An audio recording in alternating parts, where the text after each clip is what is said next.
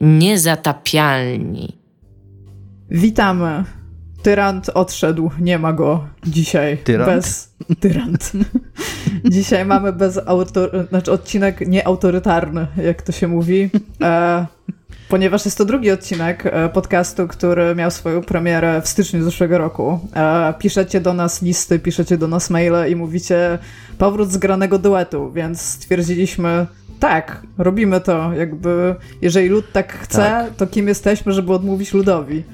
Dokładnie. A przy okazji jeszcze wiem, że obiecaliśmy ostatnio, że kolejny odcinek będzie 400 i ta obietnica się nie zmienia, natomiast kolejny odcinek niezatapialnych będzie 400, a Tak. dziś nie nagrywamy, nie, nie nagrywamy niezatapialnych, bo Tomka nie ma. Tomek jest na urlopie wakacyjnym. Tak, dlatego możemy- Świątecznym. poświęcić wszystko e, naszej królowej anarchii.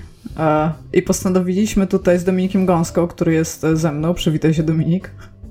Cześć. Tyrant wrócił. Jestem Dominik. Ja jestem Iga Ewa Smoleńska, czyli właściwie bardzo znany już skład e, wielce popularnego podcastu Zgrany Duet. A, I mamy A dzisiaj... czy poprzedni zgrany duet to byliśmy też my, czy to byłaś Tak, to byliśmy my. Dominik, dobrze, że Okej. pamiętasz nasz najważniejszy projekt w życiu. A, super, super, no. A, Nie, fajnie. Fajnie, Nie, fajnie. nie wiem, co ci powiem, ale tam to był najlepszy podcast, jaki w życiu nagrywałam. Apparently tylko, tylko ja tak Dla myślę. mnie to był w czwartek. No pewnie tak. A, więc tak, e, nagrywamy sobie z Dominikiem tutaj e, w sobotę, więc e, postanowiliśmy, że nie będziemy robić newsów, bo, bo możemy nie zrobić newsów. E, będziemy sobie zadawać pytania, różnego rodzaju pytania. Na niektóre będziemy odpowiadać we dwójkę, niektóre będą osobiste, bo, bo możemy tak zrobić, więc e, stwierdziliśmy, że tak. E, I Tak. ja zacznę od takiego pytania. Jako, że są święta, a to są twoje ulubione święta, Dominiku, jak wszyscy wiedzą, bo jest tyle dni wolnego i nic tylko nadrabiać rzeczy. Jest cały jeden dzień wolny, oprócz weekendu. A, więc mam do ciebie pytanie, bo ja ostatnio się zmagam z e, tym, że zaczęłam ileś gier, ale też jest ileś gier, książek, komiksów, filmów, czegokolwiek, co chciałabym sobie zobaczyć i to się nazywa odkładanie rzeczy na kubkę wstydu. I chciałam się zapytać, czy mógłbyś, e, znaczy ja też będę zdradzać, ale zdradzić kilka pozycji ze swojej własnej osobistej kubki wstydu, którą e, chyba posiadasz. Nie wiem, mam wrażenie, że każdy z nas posiada. Jak nie, to jest się bardzo człowiekiem, który ma bardzo ogarnięte życie i czas wolny, że, nic, że wszystko może jakby aktualnie a, konsumować wtedy, kiedy chce. Posiadam, posiadam kubkę, tak. Nice. Powiesz nam coś o niej? E, Wypisałem sobie tylko gry. Właściwie to nie myślałem nawet o tym, jak o czymś innym niż gry.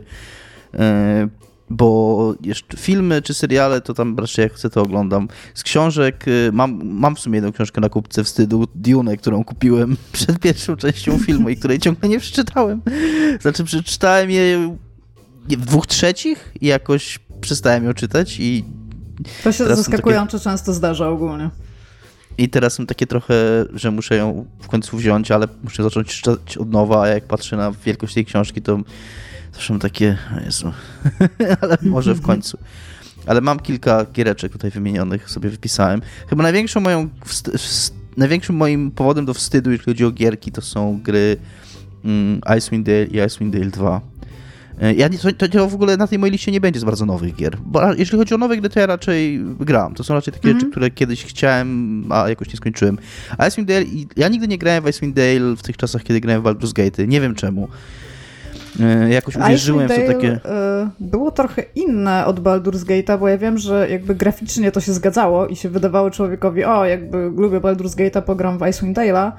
Ja akurat w Icewind Dale'a grałam, nie przeszłam, a, i grałam w ogóle za współczesności i to jest dungeon crawler, nie? To nie jest No. taki RPG, RPG. y, co- Tak, ja właśnie pamiętamy. trochę w tamtych czasach, jak, jak grałem w te Baldury i tak dalej, ja w ogóle zacząłem grać w te wszystkie gry od Final Fantasy VII, tak trochę od dupy strony, szczerze mówiąc. Trochę tak, no. Mm, więc y, Baldur's Gate był dosyć dziwny dla mnie na początku, jak pierwszy raz go przechodziłem. Dopiero dwójka była, bo dwójka dużo brała z japońskich RPGów. Dużo bardzo, bardziej rozbudowała relacje między postaciami, była dużo bardziej liniowa, bardziej taka fabularna, bardziej rozpisana na, na historię, którą się angażowałeś i na ludziki, którymi się, emocjami, których się przejmowałeś. A jedynka to była taka bardziej jeszcze gra bardzo na eksplorowanie i szukanie sobie rzeczy i, i ta fabuła była dosyć szczątkowa i te relacje między bohaterami też były takie dosyć szczątkowe. To wszystko dopiero dwójka wprowadziła, ten cały bioeryzm, który tu dzisiaj pokutuje w grach, w wszystkich RPGach w sumie teraz, że musisz rozwiązać mm, problemy rodzinne wszystkich swoich członków drużyny. Ale i... Companion Questy to są naprawdę fajne questy, bo dają się Ja nie mam absolutnie- nie? No bo ja ja mówisz, że absolutnie- teraz pokutuję w każdej grze, to, to nie brzmi jakbyś był, wiesz, na, w tym pociągu, to by było jakbyś biegł jestem w tym obok pociągu. i rzucał kamieniami w ten pociąg. Jestem w tym pociągu, nie wiem czemu tak powiedziałem. Yy, wręcz uważam, że to jest yy, olbrzymia zasługa Baldur's Gate 2 i to, że to, to, że to dał mm, RPG-om współczesnym. Yy, I właśnie ja w tamtych czasach raczej to lubiłem i dlatego też zawsze wolałem dwójkę bardziej od jedynki, dopiero współcześnie pokochałem tak bardzo, bardzo jedynkę. I też głównie z tego powodu właśnie, mm, z tego powodu, co ty mówisz, bo ja tego nie doświadczyłem, ja to czytałem w gazetkach, że, że to jest właśnie taka gra o tylko chodzeniu po lochach i zabijaniu stworów. Znaczy tam masz takie miejsca, gdzie są huby i niby są jakieś questy, ale te questy to jest głównie idź do tego dungeona i zrób to, nie?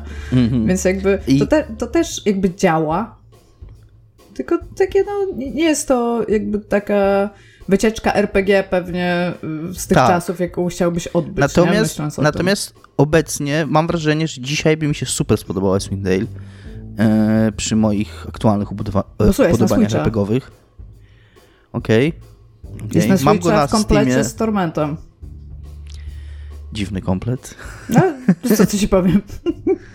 E, Mam go na Steamie i chwilę grałem i, i było spoko, tam nie wiem, z dwie godziny grałem i jakoś ciężko mi na tą grę wygospodarować czas. Właśnie zawsze jest coś albo nowego, albo, albo z jakiegoś innego powodu ważnego, w co muszę grać i tam granie w Icewind Dale'a zawsze mi się wydaje takim mm, no, ma bardzo niski priorytet i myślę sobie, że kiedyś w niego zagram, a, a jakoś nigdy jeszcze mi się nie udało po, porządnie przysiąść. Chciałbym też zagrać w dwójkę, bo dwójka już podobno dużo bardziej RPGowa była, ale dwójka jest nie do zagrania dzisiaj niestety i prawdopodobnie nie będzie do zagrania nigdy, bo tam gdzieś kod źródłowy zaginął, więc jeżeli tam nie zrobią jakiegoś reverse engineeringu jak przy Blade Runnerze, to jest problem z tą grą. Mm, No, oczywiście można tam się bawić jakieś wirtualne maszyny, czy tam jak Iga, to, to, byś, to byś pewnie kupiła CRTK i złożyła peceta z 486, czy tam z Pentiumem 2 raczej pewnie do Icewind Dale'a. CRTK mam, ale też bym raczej kupiła po prostu monitor do... No tak, tak, w sensie monitor CRT, a nie A, telewizor dobra, CRT, dobra, bo... E, I, i, I można coś takiego zrobić. W sensie ta gra istnieje wciąż, ale nie ma nowej wersji, takiej jak Enhanced Edition, która by dobrze działała na nowych sprzętach, więc nie wiem, czy kiedykolwiek nią zagram jeszcze. E, Inną taką grą jest gra Stacking, którą O, mam, Stacking mogę jest zagrać. super. Tak, wiem. I, i ale ja bardzo lubię gry Double Fine, bardzo lubię humor Double Fine, bardzo lubię gry logiczne i przygodowe i ona to wszystko ma. Mhm. I tak samo obiecuję sobie, że w końcu w nią zagram. Mam ją na Xboxie, bo była w jakimś tam Goldzie kiedyś dali. Ona jest Więc jestem- też dosyć krótka, więc to by było dla ciebie pewnie jeden wieczór, nie? Tak, no, ale też jakoś nigdy... To, to, mam ją tak z tyłu głowy, że chcę w nią zagrać i że bardzo fajnie byłoby mi w nią zagrać, a jakoś nie mogę się do tego zabrać. E, To jest i jedna z gier, drogą- którą mam 100% zrobione na Xboxie 360 w ogóle. Jak tylko Okej. się dowiedziałam, że ona istnieje, to zaraz ją właśnie ściągnęłam i zaczęłam w nią grać. No, za jednym razem ją praktycznie przeszłam. To jak tam jest łatwe 1000 punktów, to może ja w nią zagram, że Ona nie ma 1000 chyba punktów... tysiąca, bo to nie jest ta duża gra, to był, wiesz, A, na... okej, to był Live Arcade. Tak, to był miałem Live jeszcze Arcade, 200 no. punktów wtedy. No, mam Bo ja 100%, wiesz, że ja nie- więc... Wiesz, że ja nie mam żadnej gry na Xboxie na 100%, na 1000 punktów, ani Bo jednej. jesteś biologicznie predysponowany, żeby umieć grać w gry, no jakby. A, e, przepraszam Dominiku, że ci się wetnę, bo od tego w ogóle miałam zacząć. A ja tutaj dla was nadaję z mojego domu rodzinnego z pokoju dziecięcego, że tak powiem. A no oczywiście już nie jest taki, jak, jak byłam dzieckiem, ale e, no ten setup jest jaki jest, być może jest jakieś echo i og- ogólnie przepraszam od razu za jakieś problemy techniczne, ale no chcieliśmy dla was nagrać, a trzeba też było pojechać na drugą stronę Polski do rodziny, więc jakby tak. A dobrze, Stacking, Icewind Dale. Co jeszcze? E, mam Lost Judgment, które mi się super podobał Judgment pierwszy, naprawdę. Super była ta giereczka. E, I kupiłem mm, Judgment w ogóle grałem na Stadii, bo Never Forget, bo yy, on nie wyszedł na Xboxa. Później nie, to był PC, PlayStation to... Exclusive. Tak, tak. Yy, on chyba wyszedł później na Series. No w każdym razie na zwykłego Xboxa nie dało się w niego zagrać. I Xbox na Lost Judgment już się dało i nabyłem go. I znaczy w czasach PS4, jak... o może tak, on był na PS4 i to było jakby kropka, nie?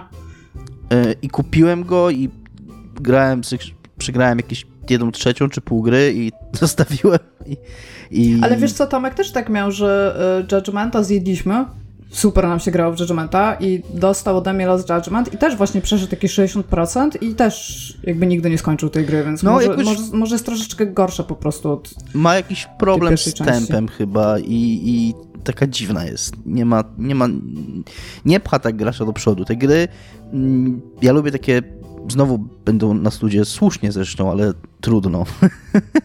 Co będą na studzie? Czasownik. E, za nadużywanie. Ale czasownika wciąż nie podałeś. Ty. Napierdalać w nas. Okej, okay, brzydko. za używanie angielskich słów, ale lubię, gry mają takie forward momentum, taki... Moment pędu?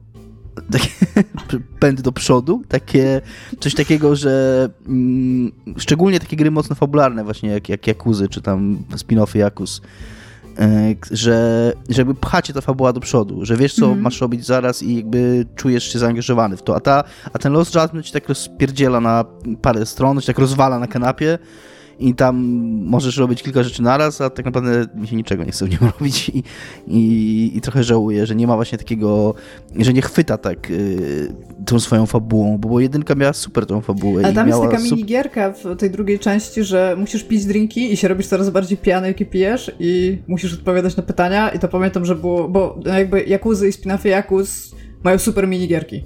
Tak, tak to, to jest jedna z cech ogólnie tych gier i pamiętam, że to była taka po prostu w punkt. Że tam ci się przestawiały literki w odpowiedziach, a musiałeś wow. tam na przykład. No, miałeś takie. Nie, doszedłem nie do tej hostessy, w sensie takie japońskie, z którymi musisz rozmawiać tam w pubie. I one tam były różne.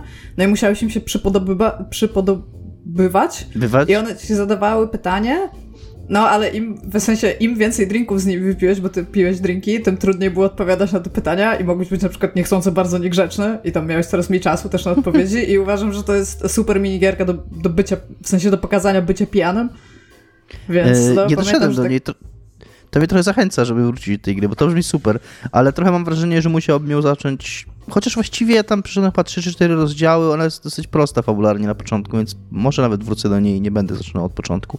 Kiedyś w końcu wrócę i przypuszczam, że jak się wciągnę, to będzie ok, ale ale też to są od też kiedy bardzo wyszedł... długie gry, Dominik, tak. tak. Pamiętaj o tym. Od kiedy wyszedł mm, Like a Dragon, Yakuza Like a Dragon, to trochę się przestałem lubić te bitemapowe Jakuzy te, akurat to, to bicie się na pięści z ludzikami jest chyba moim na najmniej ulubionym. najczęściej. Na rowery, tak. E, najmniej ulubioną częścią tych gier. Chociaż akurat Judgment, w Judgmentie lubiłem ten system walki. No ale Bo nie był, wiem, no jakoś... był taki szybszy, uproszczony, mam wrażenie, że taki Był jakby... taki, taki bardziej, taki ten, wydaje mi się, że ten jakuzowy system, on jest taki bardzo... Mm, jak to powiedzieć, taki luźny. Te ludziki tak y, sobie biegają, odbijają się od ciebie i to jest takie ten. A ten właśnie z, z, a, z like a Dragon on był taki bardziej. Mm, no, był turowy przede wszystkim, nie? nie, nie, nie tak Dragon, przepraszam, ten jest Judgment. A, okay. Był taki bardziej, taki cięższy, taki, że, że, że jakby on był trochę bardziej przypominał moim zdaniem Batmany na przykład. był taki bardziej w kierunku tych y, beatemapów, y, które wyrosły z Arkham Asylum. Wiesz co, ja, ja tam y, mam takie wspomnienia raczej już bardziej emocjonalne niż faktologiczne, więc można im poprawić, ale ja mam w ogóle wrażenie, że walki w Judgmentie były szybsze, w sensie, że jakby ten encounter krócej trwał. Możliwe. Możliwe, nie był taki że pain właśnie... in the ass za każdym razem, jak szedłeś tą uliczką i, i widziałeś rzemeczków i tam, o Jezu, teraz tak. wiesz spędzę x a poza czasu, tym, żeby przejść dalej. A poza tym zdecydowanie wolę ten JRPGowy. Tak czy inaczej, nawet jak ten, to zdecydowanie wolę ten z Like a Dragon no, i wiesz, bardzo, bardzo czekam. Tak, jakby jeżeli magik tam jest bezdomnym, którego e, mocą jest wzywanie gołębi, w ogóle wyrzucając okruszki z kieszeni, to jest tam, jakby jak to zobaczyłam, Super to już byłam kupiona, nie? To, to, jest, to jest po prostu tak genialne. Super była ta gra i bardzo, bardzo czekam w ogóle na no, drugą część. Na razie jest niezapowiedziana ciągle. Ja przypuszczam, że. Bo oni tą jedynkę to w ogóle tak na chybcika zrobili mm, JRPG-iem, trochę po prostu przerabiając to, co mieli do bite mapa na JRPG-a. E, I więc ta gra jest, ona jest super, ale jest, też widać, że jest trochę niedorobiona, że trochę brakowało im doświadczenia w tym gatunku. Więc jak teraz robią od początku grę jako JRPG, to myślę, że dwójka będzie kozacka, naprawdę. Ale teraz też bardzo, bardzo wyszło to Kiwami, co wcześniej było wydane tylko w Japonii, nie? Nie Kiwami, tylko Ishin, coś tam. A, ale też Like a Dragon. Like a Dragon, tak, tak, like tak. a Dragon Ishin, ale dlatego, że oni w ogóle mają... Ja, bo mm, Kiwami to Jakuzy, przepraszam. W sensie te Oni mają... Kiwami, no. Teraz w ogóle jest, będzie jeszcze większe zamieszanie za nazewnictwem tych gier, bo ta seria w Japonii jest znana jako Like a Dragon, w, w Europie jest znana jako Yakuza, mm, jej siódma część ukazała się jako Yakuza Like a Dragon, a teraz wszystkie kolejne będą się nazywać Like a Dragon. No to, ale to jest tak trochę jak Resident Evil dwukropek Biohazard? tak. I Biohazard tak, dwukropek to, Resident Evil? Tylko to jest trochę tak, jakby teraz nagle Resident Evil zmienił nazwę na Biohazard w Europie i, i zaczął się nazywać Biohazard, nie? I, I, w Stanach. I żeby jeszcze bardziej namieszać ludziom w głowach, więc ta nowa część się nazywa Like a Dragon Ishin, ale ona się powinna nazywać Yakuza Ishin, tak naprawdę według starego, mm, starej terminologii, bo ona nie no tak. jest turowa. Ale ja ci ona przypominam, ja ci przypominam, że e, w anime Cyberpunk Edge Runners okazuje się, że Edge Runners to Cyberpunks, więc to się nazywa Cyberpunk Cyberpunk i jakby co zrobisz. Tak, to prawda, to prawda. Owsiany gra w to Like a Dragon Ishin. Ja trochę czekam, aż będzie w Game Passie, bo pewnie będzie w Game Passie szybciej niż później, bo wszystkie Jakuzy są albo były. Więc yy, nie, ciśnie, nie, nie ciągnie mnie tak bardzo do tego. Mm, co ja tu jeszcze mam? Mam jeszcze grę na kupce wstydu A Short Hike, o której, na którą wy się stąd spuściliście wielokrotnie. No bo, no bo to jest, a to już w ogóle tam godzinę ci zajmie. Czemu ty, czemu ty sobie odmawiasz tego, dude? Nie wiem, bo tam jakimś ptaszkiem się chodzi. Ja takie, Jezu, jakimś ptaszkiem chodzi. Ale to jest super. No dobra, lubisz Zelda? Lubisz Zelda. Powinieneś pograć w Short Hike. Mam trochę problem z tym stwierdzeniem, czy ja lubię Zeldę. Ja ci mm. powiedziałam właśnie przed chwilą, teraz szybki rewind i teraz poproszę taki dream sequence w tym. Będziemy robić retrospekcję wtedy, kiedy powiedziałam ci, że lubisz Zeldę. Ja lubię Zeldę jedną. Przyszedłem w życiu jedną Zeldę, dwa No to razy. to jest ta Zelda. Pograj i przestań marudzić. Okej. Okay. Zapisz sobie tam w notesiku, dzisiaj będę grał, usuwam skupki wstydu. Nie wiem, czy dzisiaj będę grał, bo gra o grze, w którą grałem, dzisiaj będę jeszcze mówił i jestem w nią mm. naprawdę wciągnięty. I nie wiem, czy będę grał w e, Short Hike. Wpisałem sobie jeszcze Neverwinter Nights 2 z takich starych gier, w które nigdy nie grałem. Nie wiem czemu w nie nigdy nie grałem. W jedynkę grałem trochę, ja nie skończyłem nigdy. Coś mi nie pasowało w tym. Nie pasowało mi w tym po Baldursach, bo to jest niby to, te gry kontynuowały tą serię... Spuściznę Baldursów? Spuściznę Baldursów i tą taką serię gier D&D od BioWare. Ale to, że tam się sterowało jednym ludzikiem zamiast drużyną w jedynce, jakoś mnie odrzuciło i bardzo mało w nią grałem, a w dwójkę nie grałem nigdy, mm, a zrobił Obsidian. E, więc e, no to jest olbrzymi taki dyshonor. Jeszcze nie grałem nigdy w Kotora 2 swoją drogą, ale w Kotora 2 nie wiem, czy zagram, bo jakoś w Kotora 1 się nigdy nie wciągnąłem i ja nie jestem pewien, czy ja lubię mm, RPGa w Gwiezdnych Wojnach. Jakoś tak, nie wiem, niezbyt. Yy, bo ja lubię, ja w ogóle lubię w RPGach takie poczucie zaczynania jako nikt i stawania się coraz silniejszym. From zero to hero, tak. From Zero to Hero, co swoją drogą super lubię Like a Dragon, bo tam dosłownie się zaczyna jako bezdomny i, i mieszka z bezdomnymi i ten. Nie, zaczynasz jako więzień były przecież. W Like a Dragon? Tak. No tak, tak, tak, tak, tak. No ale później cię wywalają i tam... No tak, no, i potem musisz ma... być bezdomny, tak, tylko że jakby zaczynasz tak. grę jako osoba, która wychodzi z ciupy, tak? Tak, tak, tak. E, I, e, a to, że w tych Gwiezdnych Wojnach e, tam od razu jakieś masz miecze świetne, jesteś tam rycerzem Jedi, to jest takie dla mnie... Trochę dlatego mam też problem z tym nowym Fire Emblem. Wziąłem od Tomka i gra się w to super, ale... Free Houses?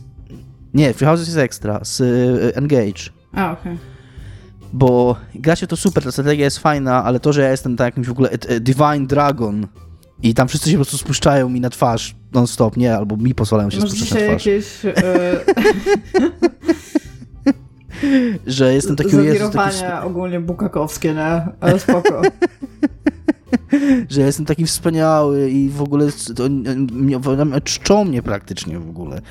Mm, jak jakieś półbóstwo, półbohatera, y, zbawcy świata od samego początku w ogóle, zanim jeszcze na to zasłużę. I on takie, Jezu, nie. Tam, ja lubię być ziomkiem, który sobie ziomkuje. A, a, a Lubisz zabijać te szczury na samym początku pod Lubię zabijać ogólnie. szczury na początku. Tak. Lubię zabijać szczury pod karczmą, to jest ważne w, w rozwoju bohatera i potrzebuję tego. A właśnie w te Gwiezdne Wojny, te Gwiezdne Wojny RPG też są dla mnie. Nie lubię jak są od razu takie. Jestem tutaj w ogóle jakimś ewenementem chyba wśród graczy, jeżeli w ogóle należę do tego, do tego zbioru, mm, że nie nie lubię, jak są od razu, jak jest stawka od razu wysoka, a trochę te gry teraz y, mają taką potrzebę od razu y, robienia bardzo wysokiej stawki na samym początku, jeszcze zanim się cokolwiek zacznie, żeby, żeby znaczy, wiedział, jeżeli, Wydaje mi się, że ja mam identycznie. Jakby jeżeli zaczynam od faktu, że świat ginie albo y, o mój Boże, porwaj całą moją rodzinę, to jakby czemu ma, mamy to właściwie tam interesować, nie? Jakby no muszę najpierw się z czymkolwiek lub z kimkolwiek zżyć, żeby tak. rozumieć wagę tego, nie? No właśnie, a trochę teraz i Baldur's Gate 3 niby tam się zaczynasz na pierwszy, to jest parę ludzi to zauważyło, że to jest trochę tak jak wysokolevelowa kampania D&D fabularnie, ale z, z, z, jakby ograniczona do niskich leveli, bo tam niby jesteś pierwszolowym ziomkiem, pierwszolevelowym ziomkiem, ale od samego początku masz jakichś tam mindflyerów, które wyskakują z piekła i porywają cię i tak dalej, nie? Jest takie, czemu to od razu musi być? Czemu, kurna, nowy Pathfinder, Wrath of the Righteous od razu jest od samego początku, kurna, o tym, że demony atakują i, i ty masz przewodzić krucjatą przeciwko tym demonom, od, kurna, od, od praktycznie pierwszej minuty, nie? No nie wiem, Czemu nie kurna... najpierw zabić szczurów? No, to jest, to jest pytanie. Jakby w ogóle to jest podstawowe. Te gry powinny mieć taki fang, jakby, tak jak się pyta, czy chcesz przejść tutorial, nie? I tam masz taki pop-up, to tam, czy chciałbyś najpierw zabijać szczury? I tam, tak. Tak, nie, poproszę. Nie, nie, powinny pytać, te szczury powinny być po prostu. nie, nie, nie, nie, powinienem być zmuszany do proszenia gry o szczury. Jakby gra powinna zapewniać szczury sama z siebie. To jest, to jest jakby do, do roboty. To jest też niej. obietnica wyborcza Dominika, jakby co. szczury dla wszystkich. Tak. I ci e, karczmarze jedną... teraz nie będą na ciebie głosować, stary. Właśnie będą, bo będą mieli, bo teraz będą mieli poszukiwaczy przygód, którzy będą zabijać te szczury. Te szczury już dobra, są. Dobra, Dominik, i teraz pytanie do ciebie. Wchodząc do karczmy kiedykolwiek w grze, kiedy typ ci mówił, że masz szczury na dole i masz je zabić, czy kiedykolwiek kupiłeś u niego browara? Bo pewnie nie, więc jakby on nie ma z tego zysku. On ci płaci za to, że nie masz szczurów. No może tak. Ostatnio jak byłem w karczmie w e, RPG-u klasycznym w e, Pillars of Eternity, to okradłem z, y, z piwnicy wino typowi. No to widzisz? I myślisz, że będą na ciebie głosować? Zamiast zabijać szczury. Mm, ale Pilarsy dobrze, to, chociaż nie, Pilarsy też kurna trochę robią, mają ten grzech, bo zaczynają się fajnie, że jesteś jakimś tam prostym ziomkiem, co sobie idzie szukać nowego życia mm, w krainie, w której dają ziemię każdemu nowemu osadnikowi, ale od razu na wstępie dostajesz tam wpis du magafinem przez web, że teraz możesz z nieumarł, tymi z duszami rozmawiać i tam jesteś jakimś super wyjątkowym ziomem, więc e, nie wiem czemu tak jest. Czemu musi tak być we wszystkim teraz. Czemu każdy musi być od razu tam super bohaterem i, i, i zbawcą świata. Swoją drogą w Baldur's Gate 1 się okazujesz tam synem Boga, nie? Ale nie wiesz tego na samym początku gry po prostu. No, to jest Spoilers! Spoilers do Baldur's Gate, okej. Okay. E, I mam jeszcze taką jedną grę wpisaną Lamplight City, którą nie wiem czemu jej nie skończyłem. To jest e, pikselowa przygodówka wydana przez Watchet Eye, ludzi, którzy robią fajne, współczesne pikselowe przygodówkę. Twoje ulubione tak. nowe przygodówki, no? Tak, bardzo fajny setting, e, taki trochę wiktoriańska Anglia, trochę, fanta- trochę steampunk, taki mm, jakieś tam fikcyjne, fikcyjne państwo. Yy, detektywistyczna gra, robienie śledztw z nieliniowymi rozwiązaniami, znaczy, że możesz tam różnych ludzi wskazać jako winowajców i już są konsekwencje tego. Ta gra jest naprawdę fajna. Nie mogę jej skończyć, kurde. I co parę miesięcy, czy tam co rok sobie o niej przypominam, instaluję, gram przechodzę tam pierwszą, drugą sprawę i, i później jakoś przestaję w nią grać. I, I bardzo mi jest z tym źle, bo Czasami często tak szukam jest. przygodówek. Często szukam przygodówek nowych, ale Jezu, ale to Tangle Tower było super. Jeszcze Patryka Fiałkowskiego pozdrawiam. Patryk Fiałkowski ostatnio zagrał, ściągnął na Switcha, kupił i też bardzo mi dziękował i bardzo chwalił tę grę. Czyli by proxy Więc- dziękował mi. Więc by proxy dziękował tobie, więc dziękuję tobie od Patryka. Spoko, Patryk. Jakby zawsze z... żyje, by służyć. Więc tak. A jak tam twoja kubka, Igu? Ja mam dużą kubkę wstydu. Wypisałam sobie głównie giereczki, natomiast wpisałam też jedną książkę i to jest Neuromancer. Nigdy w życiu nie przeczytałam Neuromancera. Chciałabym. no Master jest okej. No właśnie, i to, i to jest tak, jak trochę ty masz, nie wiem, przez bardzo, bardzo długi czas na przykład nie czytałam imienia Róży. Wiedziałam, że chcę przeczytać imię Róży, nawet kupiłam na takim targu, e, może nawet nie targu, to było takie miejsce, gdzie można się było wymienić książkami na, e, we Wrocławiu. Nie Book Crossing, tylko przychodziłeś ze swoją książką do pubu, sobie tam usi- siadłeś, nie wiem, wypiłeś piwko i tam ludzie rozkładali inne książki, mogłeś jakby wziąć jedną książkę, włożyć drugą. Na takiej zasadzie. No i sobie stamtąd właśnie wzięłam imię Róży i ostatnio usiadłam i przeczytałam i miałam taki właśnie fajny, y, fajne pasmo kończenia książek, których bardzo długo nie czytałam, a których bardzo chciałam od dawna przeczytać, nie? I to było super i Neu- Neuromancer się nie złapał, bo potem zaczęłam czytać jakieś inne książki e, i no muszę, muszę do tego wrócić. Natomiast mam tutaj gry typu Metal Gear Solid, Jeden. którego, tak, którego nie przeszłam. E, dlatego, że jest tam bardzo dużo elementów skradania, ale z jakiegoś powodu sądzę, że jakby jest dosyć niepoważnym e, wypowiadać się na temat gier i designu gier jakiegokolwiek stealthowego, jeżeli się nie grało w tego Metal Geara, jeżeli się go nie przeszło, może w ten sposób, bo ja w niego grałam.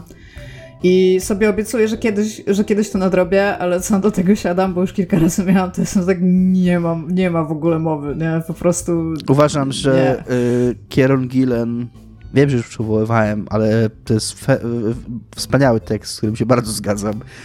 Y, kiedyś napisał o Metal Gear Solid, że to jest, że Kojima mm, odpowiedział na pytanie, y, zachował się jakby dostał pytanie, czego potrzebuje Pac-Man i, i, dostał, i udzielił odpowiedzi wielogodzinnych cutscenek, że to jest Pac-Man z, z, Ale tak trochę jest, no. No, no i właśnie, ale tak mam tego Metal Geara tutaj. A mam tutaj Manhunta, którego również nie przeszłam. A chyba z sześć razy podchodziłam i jakby nigdy to się nie stało, ale mam takie wrażenie, że jeżeli kiedyś dostanę kilka dni wolnego, takie, żebym nie za bardzo wiedziała, co mam ze sobą zrobić, to po prostu usiądę i przejdę Manhunta. E, Metro Exodus zupełnie ominęła mnie w ogóle ta, ta, ta nowa część. W sensie Kurde, bardzo fajna giereczka, muszę ją skończyć, bo, bo tam, ja... Ale w tym okresie tak samo, trzy ileś różnych rzeczy i po prostu do tego nie usiadłam, bo byłam like, to na pewno przejdę później. I jakby nigdy tego nie przeszłam. Natomiast to jest gra, którą, która na zawsze pozostanie w moim sercu i którą trochę też mógłbym ją wpisać na swoją kubkę wstydu, bo muszę ją kiedyś skończyć. Bo to jest gra, dzięki której odkryłem survival horrory, bo to jest gra, w której ja zacząłem grać i chyba z tobą, ty Michał wtedy powiedziałeś, że to jest totalnie survival horror ta gra. To jest bardzo... I- Jeżeli tak powiedziałam, to ja nie grałam. Ale Metro, ktoś jest, Metro jest survival horrorem, no, więc jakby... No to właśnie może, może, może w tym sensie, nie? Że, że te gry, i wtedy ja to tak na mnie osiadło to, że kurde, może ja, bo mi się super to grało, że może ja lubię survival horrory i wtedy dałem szansę właśnie Resident Evil i tak dalej i tam, mm, więc, więc pod tym względem bardzo cenię tą grę. No ja muszę usiąść i przejść, bo jakby nie za wiele rzeczy mnie, jakby mało rzeczy mnie powstrzymuje, żeby kończyć tę grę. Ale w jakiś sposób to się po prostu nie dzieje z jakiegoś powodu. A mam tutaj grę Lisa, do której również podeszłam. Ja nawet kawałek jej przeszłam. Jaka? L-I-S-A, Lisa. Okej. I ona ma bardzo duży taki cult following. Czy ona ma trzy- 30 recenzji na Steamie? Nie, ona ma właśnie. Okej, to nie jest super popularna gra, ale ona jest taka mm, w klimacie dosyć heavy. I ona, jakby jak tylko wyszła, to ona miała takie bardzo ciekawe recenzje. Strasznie mnie zaciekawiła ta gra. I zaczęłam w nią grać, ale ona robi taki thing, że ona się ciebie pyta, na jakim poziomie trudności chcesz grać, i ona nie tłumaczy ci tego poziomu trudności. Ja sobie tam jakiś Czy wybrałam. to jest Lisa the Painful? E, nie wiem, być może jest Lisa. To takie 2D? Que- Quirky side-scrolling RPG Tak, tak, tak, tak, tak. E, I jed- 11 tysięcy A, recenzji. widzisz?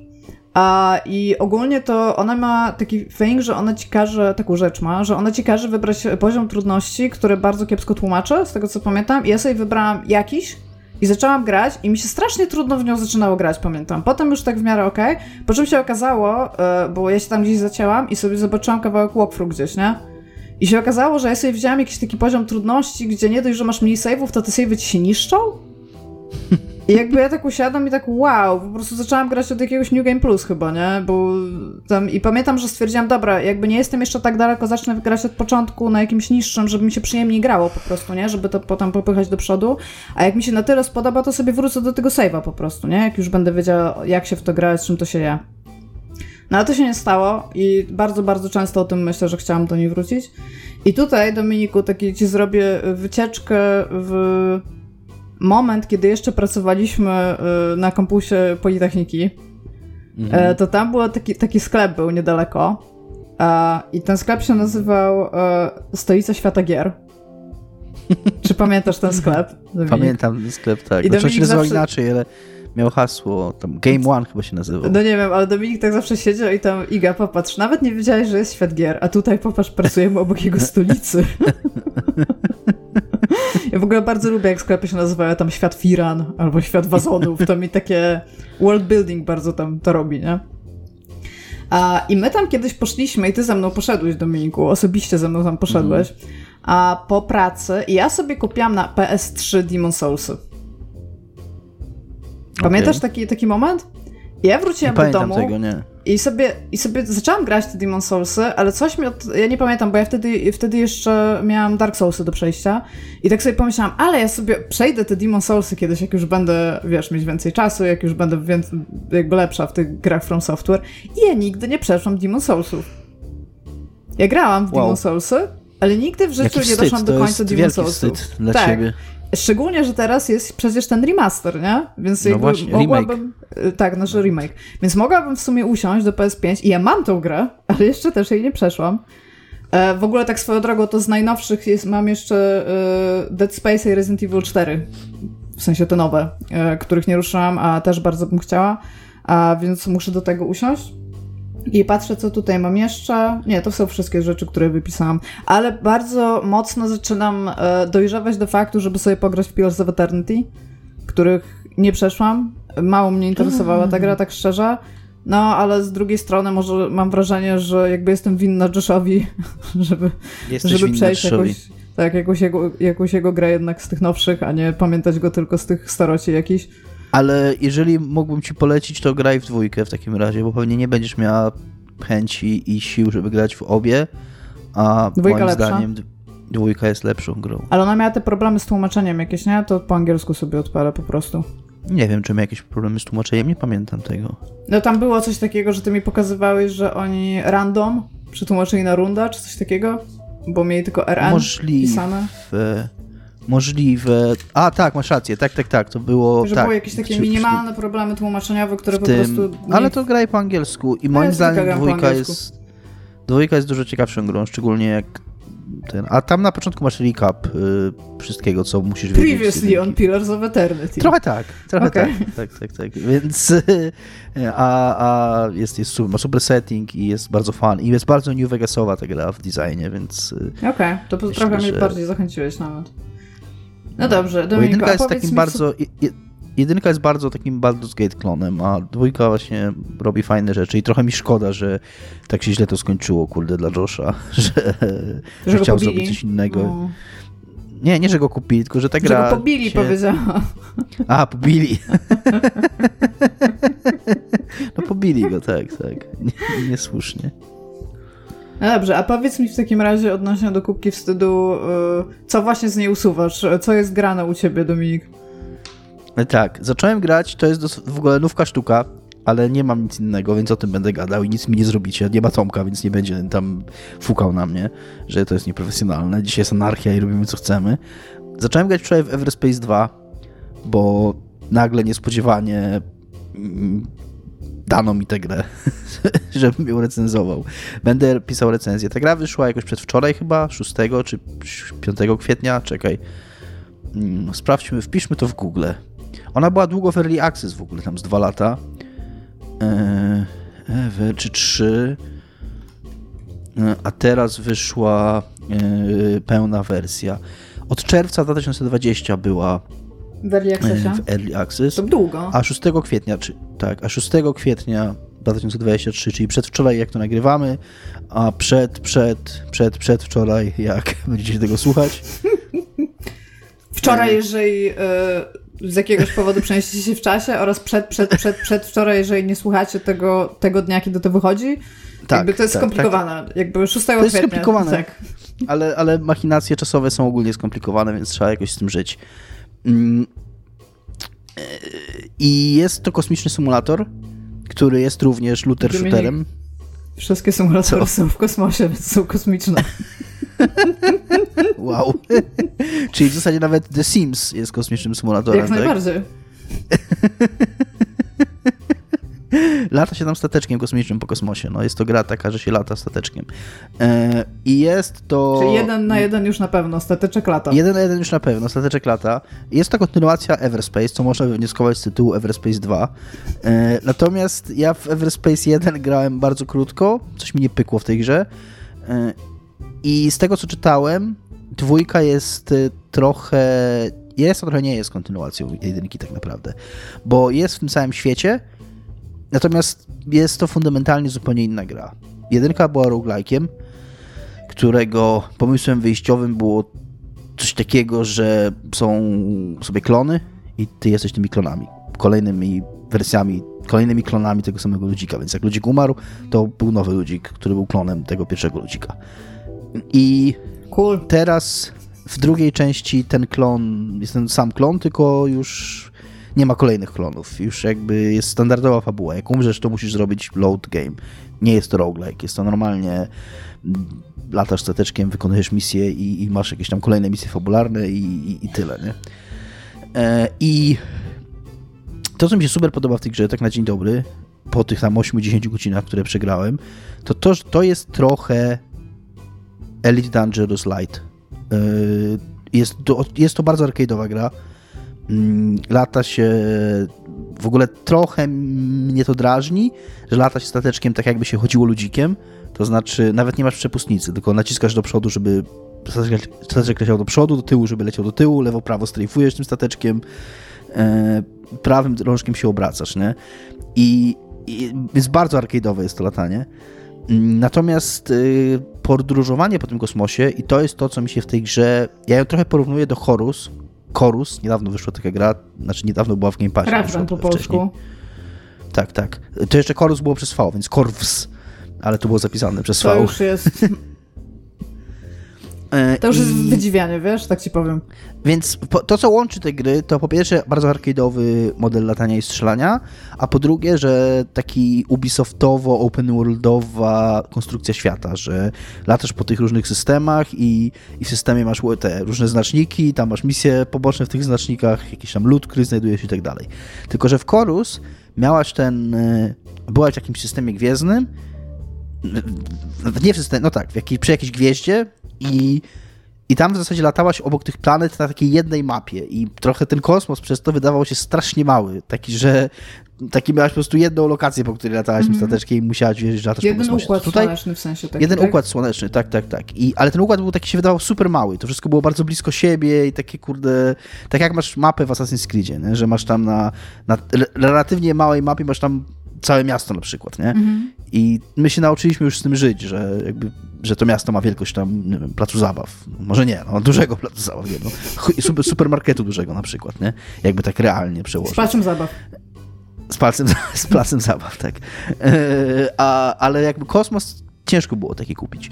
To Everspace 2 radzi sobie z tym tak, że normalnie masz zrobione latanie pomiędzy systemami gwiezdnymi, pomiędzy i też w obrębie jednego systemu gwiezdnego e, masz e, przemieszczanie się pomiędzy planetami, masz zrobione tak, że musisz tam włączyć tą prędkość nadświetlną i tam się ten mhm. i i to jest bardzo podobnie do Elite Dangerous zrobione, tylko tak jakby ktoś spojrzał na Elite Dangerous i powiedział, zróbmy tak samo, tylko usuńmy całe tam pieprzenie się z symulacją i tak dalej, po prostu, żeby to było mega proste. Więc na przykład, jak wskazujesz, powiedzmy, że chcesz lecieć do, do tej planety, to naciskasz najpierw Y, żeby przejść do tej nadświetlnej prędkości, a potem wskazujesz tu planetę, naciskasz A i tam automatycznie ten statek ci leci do niej. Na przykład jak na drodze jest inna planeta, to on ją ominie. Ale jeżeli będziesz, wyjdziesz z tej prędkości nadświetlnej i będziesz chciała polecieć gdzieś indziej i planeta będzie na twojej drodze, to ci się wyświetli, że nie możesz, że musisz ustawić się tak, żeby ją ominąć i potem jak włączysz autopilota, to on ją Mhm. ominie.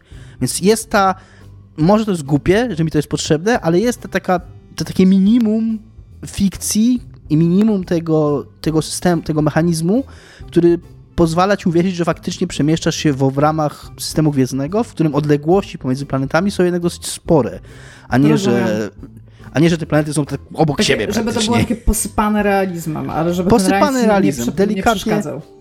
Delikatnie posypane, że, że to nie jest takie upierdliwe jak w Elite Dangerous, że tam po, po prostu 20 minut lecisz i nic nie robisz, nie? I tam względu do, do słuchania podcastów, nie? Mm, że ten, Simulator tylko, że, in Space, no.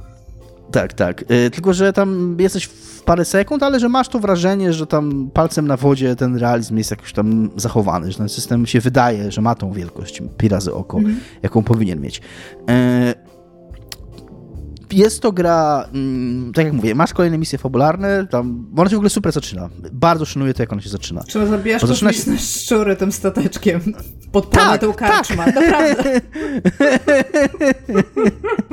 Zaczyna się tak, że nie ma żadnego intra, nie ma żadnego ratowania świata. Praktycznie tam od razu masz krótkie tam, nie wiem, 10 może sekundowy filmik, że jesteś jakimś tam najemnikiem, który pomaga jakimś, jakiejś firmie ko- kopalnianej, górniczej, o, kopalnianej, e, górniczej, która wydobywa asteroid e, lub asteroidów jakieś tam cenne minerały i po prostu jesteś, pomagasz im, ochraniasz, jesteś ochroniarzem ich, nie? I jakby od razu gracie, mówi ci to, ile trzeba, no mówię, 10-sekundowa kastenka jest potrzebna, żeby to powiedzieć, więc mówi to, daje ci do sterowania, go.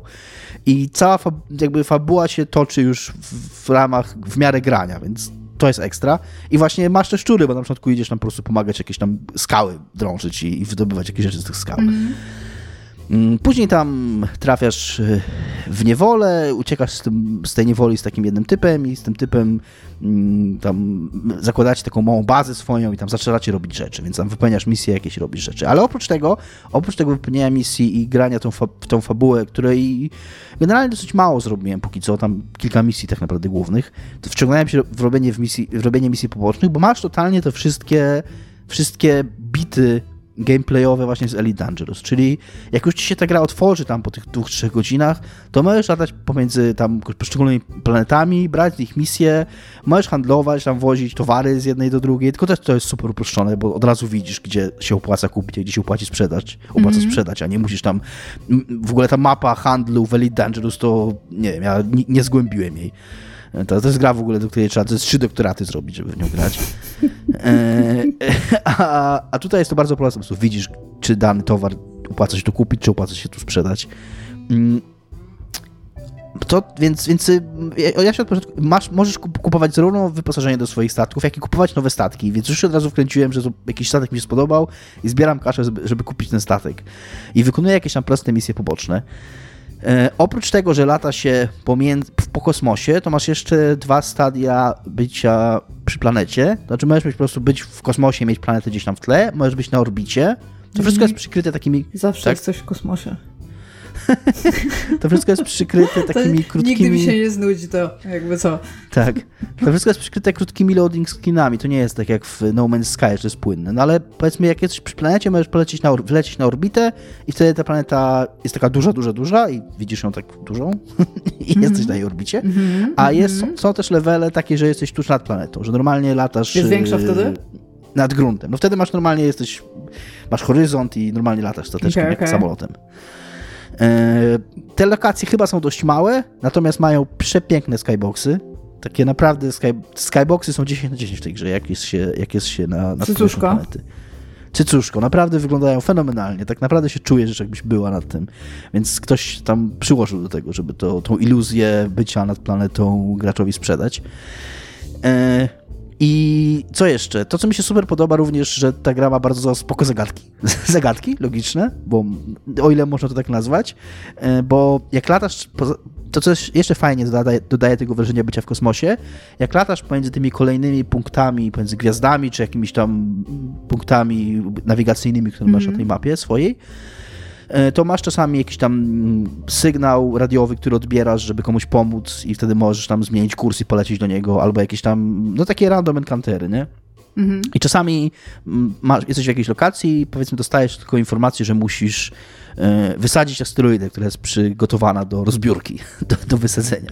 No i na powierzchni tej asteroidy są takie założone cztery ładunki wybuchowe, no. nieuzbrojone. Więc musisz znaleźć w, tym, w tej lokacji, w cudzysłowie, znaleźć cztery bomby, żeby umieścić na tych, w tych, to nie, może nie ładunki, tylko takie pola, takie wydrążone te. Na miejsca, mm, które oznaczyli Miejsca, w których masz umieścić, tak, tak oznaczyli dokładnie. jak tam to walnie, dokładnie. to ona się rozpadnie w jakiś konkretny Dokładnie, sposób, więc no? masz powiedzmy cztery, cztery miejsca, gdzie musisz zamontować ładunki i musisz latać, latasz po tej lokacji i szukasz tych ładunków. Ty nie wiesz, gdzie one są, więc gra cię trochę prowadzi, umieszczając powiedzmy jakiś tam, nie wiem, bandytów w tamtym miejscu, jak ich zabijesz, to akurat tam jest jeden ten ładunek, inny jest jeszcze gdzieś i tak trzeba trochę pokombinować. Jeden gdzieś jest tam ukryty, czasami musisz jakieś tam, nie wiem, włączyć, jakieś, znaleźć jakieś zasilanie, gdzieś tam podłączyć do jakiegoś wraku, czy jakiegoś tam statku, który jest większego, górniczego na przykład, które wtedy się jakieś drzwi w nim otworzą, tam jakiś przełącznik naciśniesz, znaczy strzelisz w niego, on się włączy.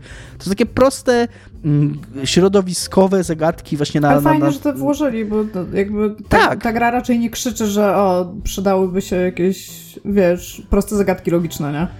Tak, właśnie może, może, może nie, te, może nie logiczne, tylko takie no, trochę logiczne. Takie, że musisz trochę się rozejrzeć, tam powiedzmy zobaczyć, że gdzieś tam prowadzi jakaś lina z, mm -hmm. z napięciem, tam się jakieś drzwi otworzą, jak coś włączysz. To jest naprawdę tak fajnie. To jest takie fajne e, urozmaicenie roz... do tego, co, co normalnie tam robisz, no?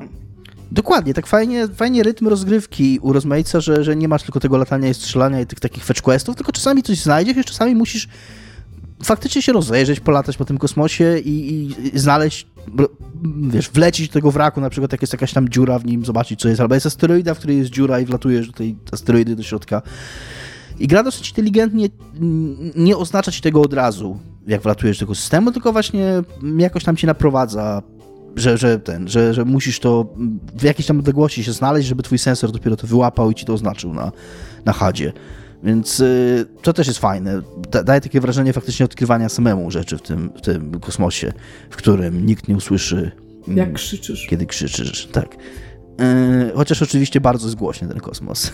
Oprócz tego, że ta gra ma lata się jak samolocikiem, nawet jak samolocikiem, jak, na, jak, jak ludkiem się, no.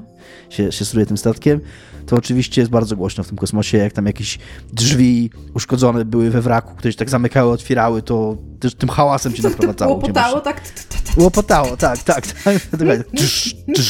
Nie takie uderzenia były mhm. bardziej mm, że ty ten. I, i, I, żeby cię naprowadzić hałasem, gdzie to jest. Jakby nie, nie. No ale to chyba wszystkie gry kosmiczne to mają.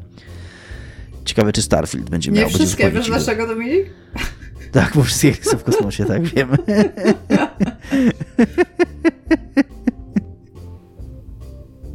Okej. Okay. Tutaj jest chwila wyjaśnienia. E, pewnie zauważyliście różnicę w audio i to wynika z tego, że z pewnych powodów technicznych nagrywamy kilka dni później tą drugą część. A tak. więc macie okazję nas słuchać y, w jeden, wysłuchać w jeden dzień, dwóch dni. Pomyślcie o tym. Pomyślcie, jak tutaj wychodziłem wam naprzeciw, żeby w jakiś sposób urozmaicać wasze życie. A więc tak, jest... mam nadzieję, że echo zniknęło, bo już nie jestem w pokoju moim dziecięcym, już jestem w moim dorosłym pokoju, po drugiej stronie Polski. Tak. Czyli jeszcze w ogóle dwie lokacje. To jest w ogóle fenomenalne. A, więc tak, teraz ja będę mówić, bo Dominik się nagadał. Hehe. E, mam takie tak, pytanie tutaj. Śmieszne jest to, że się nagadałem, że się, że się nagadałem Kilka dwa dni temu. temu, więc właściwie, więc właściwie można, nie, więcej niż dwa nawet, no.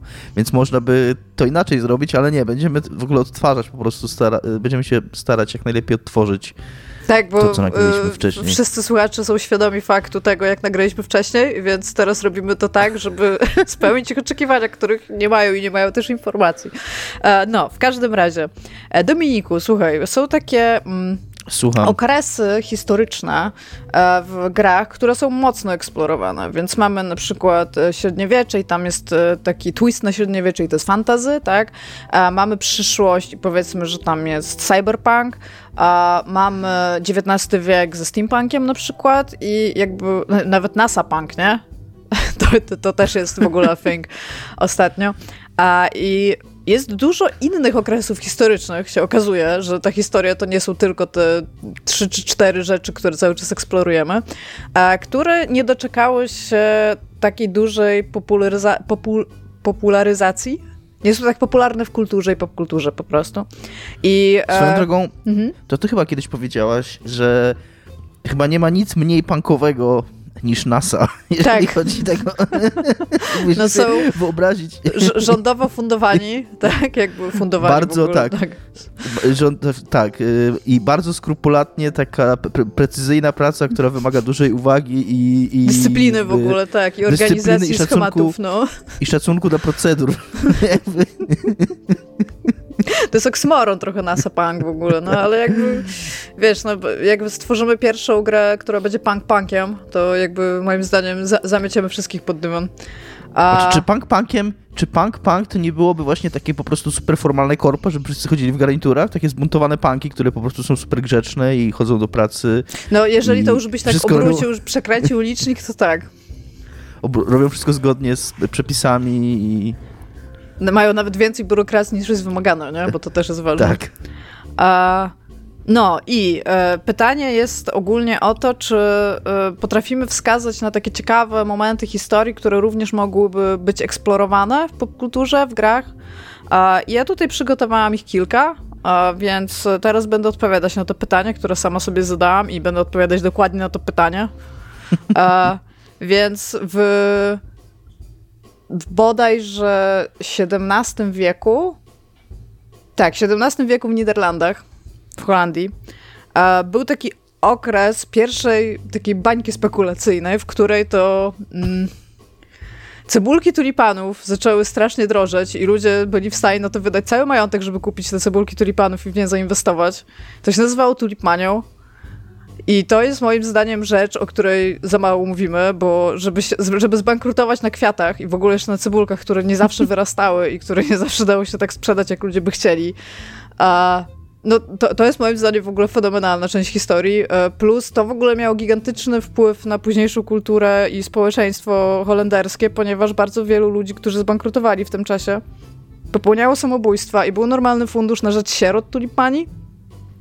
I ale poczekaj, grałabym jak można, to... jak można zbankrutować? Jakby, tulipany nie wydają się jakąś taką mm, inwestycją, nawet jak się ich, no nie wiem, ile tych tulipanów trzeba by kupić, która one może były, zbankrutować rodzinę. One, w, sensie, wiesz co, bo to był taki y, moment, że one były warte tyle, co złoto.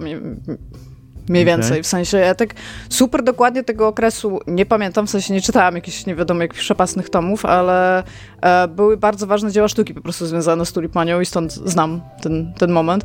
A, ale to była taka, właśnie to była taka spekulacja, że ludzie sprowadzali te cebulki tulipanów i one były strasznie drogie już rynkowo, więc ludzie wiedzieli, że powinno się w nie inwestować, więc zostawiali domy, bardzo dużo dóbr po prostu na ten fakt, a to było tam jakieś, żeby ci nie skłamać, kilka miesięcy, kiedy to się działo? Do roku? Więc byłeś w stanie, to trochę jak bitcoin. Jeżeli szybko wskoczyłeś, to szybko mogłeś zarobić, ale jeżeli się już spóźniłeś i te ceny w pewnym momencie, ta bańka pękła, no to wtedy zostawałeś z długami, nie? I ci ludzie woleli centralnie często się no, po prostu zabić, niż jakby żyć w nędzy, tak? No bo to już się dosłownie z tym wiązało. No i w związku z tym pozostawili dużo osieroconych dzieci i normalnie to był gigantyczny problem społeczny i państwo musiało na te, w te dzieci inwestować, tak? Bardzo szalenie, w ogóle bardzo ciekawy okres. Ja bym bardzo chętnie chciała pograć w coś takiego. Oczywiście najlepiej w takim klimacie Disco Elysium, bo to mi pasuje, a przy okazji, jeżeli byśmy chcieli to super mocno zgamifikować, to moglibyśmy dać tym tulipanom jakieś właściwości takie semi-magiczne. Co można wykraftować z tulipana? bo jakby Cebula. takie zbieranie ich ce, cebule. Wiatrak. Nie wiem, dude, rower. To są rzeczy, które mi się kojarzą z Holandią. Kojarzy mi się jeszcze jedna rzecz, ale ona jest nielegalna w Polsce, więc nie powiem jaka. dobra. Okay. I teraz jest taki w Holandii aspekt... swoją drogą Mhm. W Holandii swoją drogą ta rzecz też jest nielegalna, chyba o tym już mówiłem kiedyś. E, jest taki aspekt e, popkultury, który ma taki gigantyczny problem z faktem, że jakby jeżeli pokazujemy na przykład apokalipsę, to pokazujemy czas dużo po apokalipsie, patrz na przykład Fallout, tak? E, pokazujemy czas po tym, jak upadło już społeczeństwo i są jakieś nowe standardy społeczne, natomiast mamy taki problem, że nie pokazujemy momentu upadku albo czasu zaraz przed upadkiem, a wydaje mi się to bardzo niedowiezione, bo to jest dla mnie strasznie ciekawe.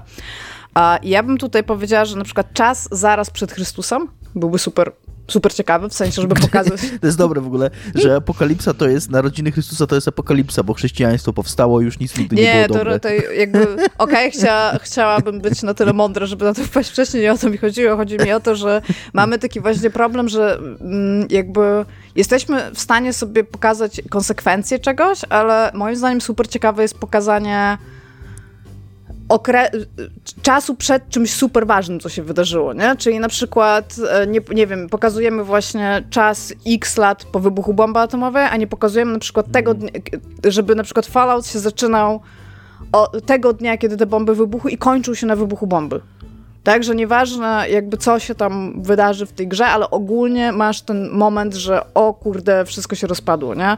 I właśnie czas zaraz przed Chrystusem byłby dla mnie ciekawy, bo to jest w ogóle strasznie ciekawy czas na jakby Bliskim Wschodzie tutaj, żeby pokazać po prostu co, jak, jak to społeczeństwo tam kotłowało jakie były w ogóle warunki ich, tak, społeczne, żeby ci wszyscy nauczyciele, których którym też był Jezus, tak, byli w stanie chodzić i wykładać tym uczniom, nie? I to by było ciekawe, jakby właśnie kończyło się to na przykład wjazdem Jezusa na ośle do miasta, nie?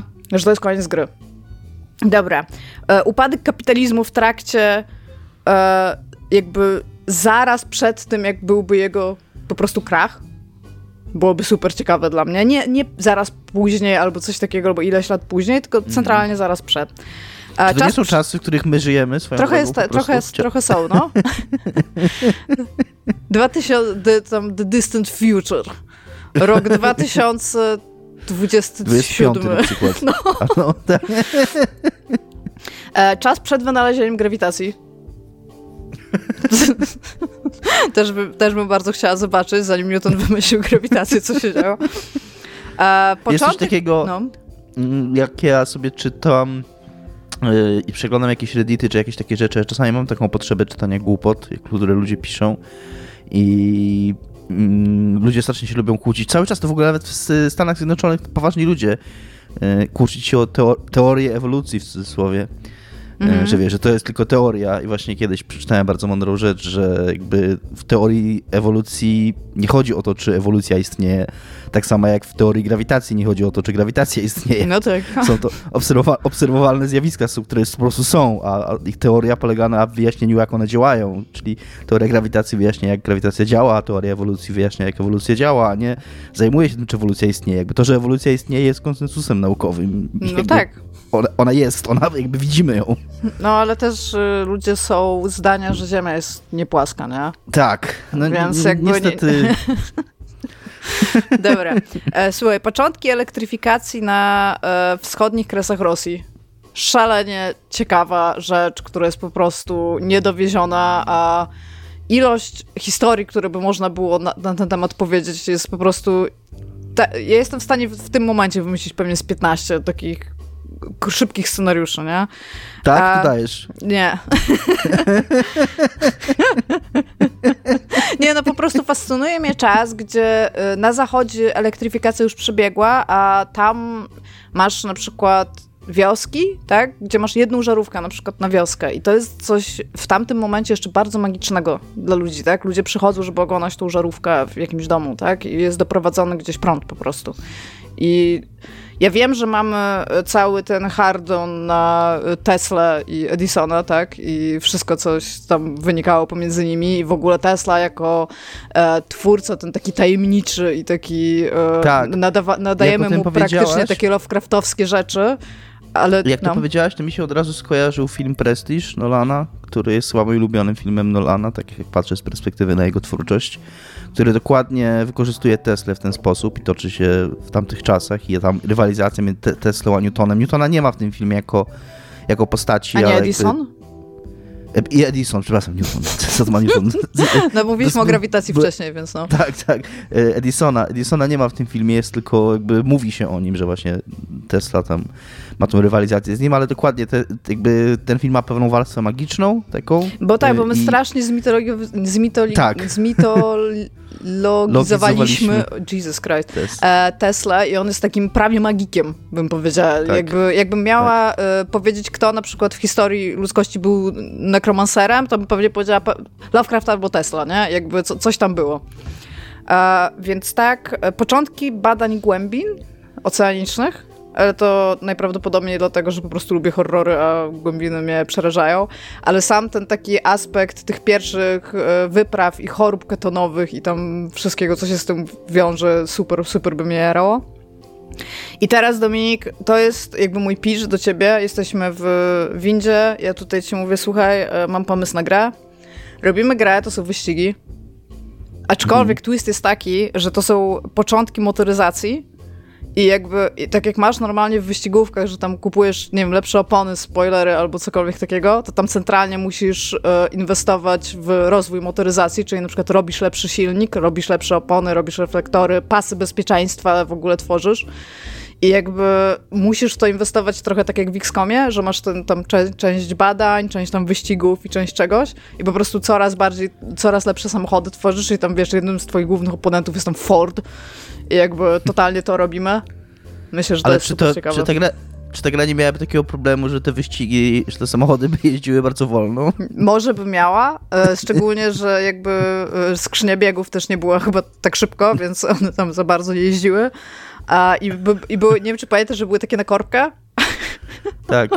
więc to tak, też... to był jakiś to był olbrzymi problem z tymi korbkami, to tam ludzie ginęli od tych korbek, bo... Ludzie w ogóle dużo ginęli na po, w początkach motoryzacji, tak. w ogóle w tej wielkiej erze industrializacji że, wszystkiego, że, co jak że jakby że jak już nie wynaleziono sposób, ja tam nie jestem takim, ale pamiętam, że kiedyś jakiś materiał o tym było, oglądałem na YouTubie, że jakby to był duży skok technologiczny, jak, jak te korbki udało się wyeliminować i człowiek nie ryzykował, że go jego własny samochód przejedzie, jak go będzie odpalał.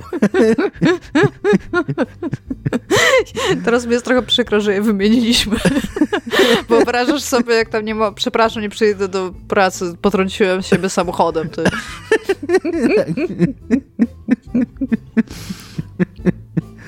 Więc tak, to są moje propozycje. Czy masz jakieś kontrpropozycje do moich propozycji? Mam jakieś propozycje, nie tak błyskotliwe jak twoje i y, nagrywamy ten odcinek 4 dni po tym, jak nagrywaliśmy i nie wymyśliłem nic lepszego od tamtego czasu. nie, szczerze mówiąc dlatego, że my, ten pomysł, że go nagramy drugi raz, on dzisiaj się pojawił. Mm. Dobrze, dobrze swoją drogą. Ja byłem wczoraj super zmęczony po świętach u rodziców i e, dziś, wczoraj, czyli w poniedziałek, i nie zdążyłem. Położyłem się spać od razu jak... Tak, tak. Położyłem się spać od razu, jak wróciłem do domu, tam o dziewiątej wieczorem chyba, czy tam dziesiątej. I nie, nie złożyłem tego, tej jednej części odcinka, a dzisiaj pojawił się pomysł, że nagrałem ponownie. Pierwszy, pierwszy pomysł, jaki mi przyszedł do głowy, to wtedy, jak mówiłaś o tych y, okresach przed, przed, przed jakimś wydarzeniem, czy przez jakimś ważnym y, katastrofą, czy apokalipsą, czy czymś takim, to pomyślałem sobie o Titaniku który hmm. z jednej strony jest e, dosyć mocno eksploatowanym, wydaje się, popkulturowo tematem, ale jeżeli chodzi o gry wideo, to ja kojarzę tylko jedną, taką grę, taką starą przygodówkę, która była trochę przygodówką, trochę chyba takim programem edukacyjnym, multimedialnym o, o Titaniku.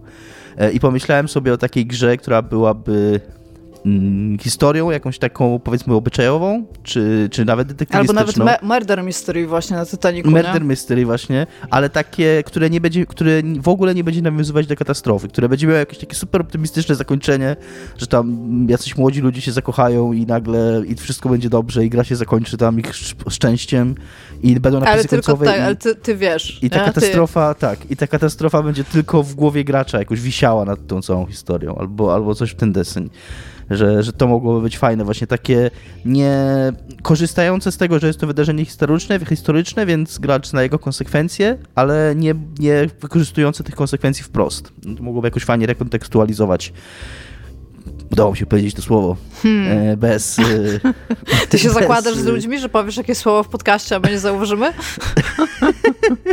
nie, nie, ale to jest słowo, z którym też często mam problemy, żeby je powiedzieć.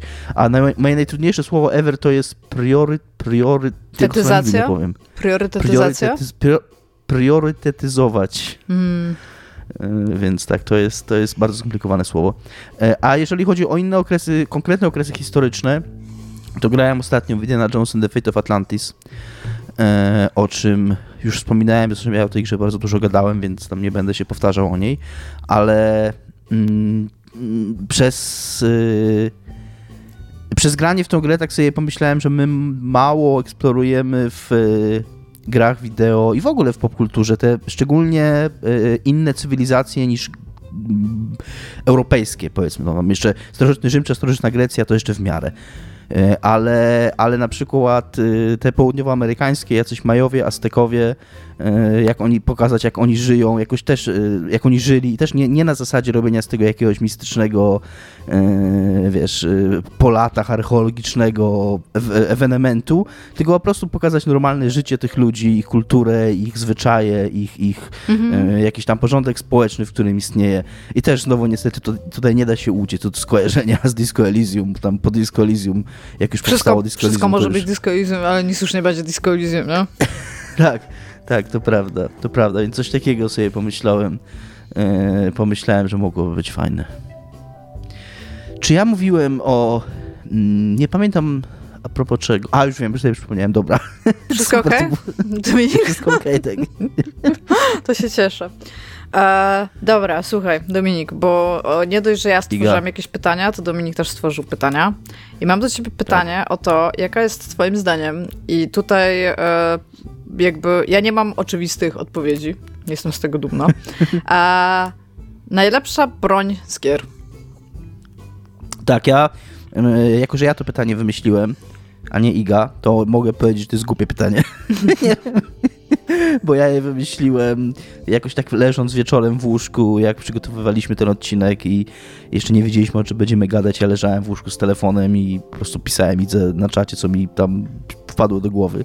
I takie pytanie wymyśliłem, ale jako, że e, nie chciałem też dawać odpowiedzi oczywistych, takich jak tam shotgun z Duma czy coś takiego. Super shotgun! Bo, bo to każdy wie, albo nie wiem, Gravity Gun to wymyśliłem sobie głupie odpowiedzi na głupie pytanie i moja głupia odpowiedź na najlepszą broń Ewy to są pięści Kiryu Kazumy z Jakuzy, który ty, tymi pięściami nie tylko rozwiązuje wszystkie problemy mm, i wszelkie konflikty e, na e, poziomie przestępczości zorganizowanej w Japonii, ale również na przykład jest wspaniała scena, którą, którą będę pamiętał chyba całe życie, która jest, nie wiem czy z Jakuzy Zero, czy z Jakuzy Kiwami, kiedy to Kazuma y, z przyjacielem spotykają pijaka i Kazuma mówi I will sober him up with my fists. I, i, Otrzeźwiające pięści, no.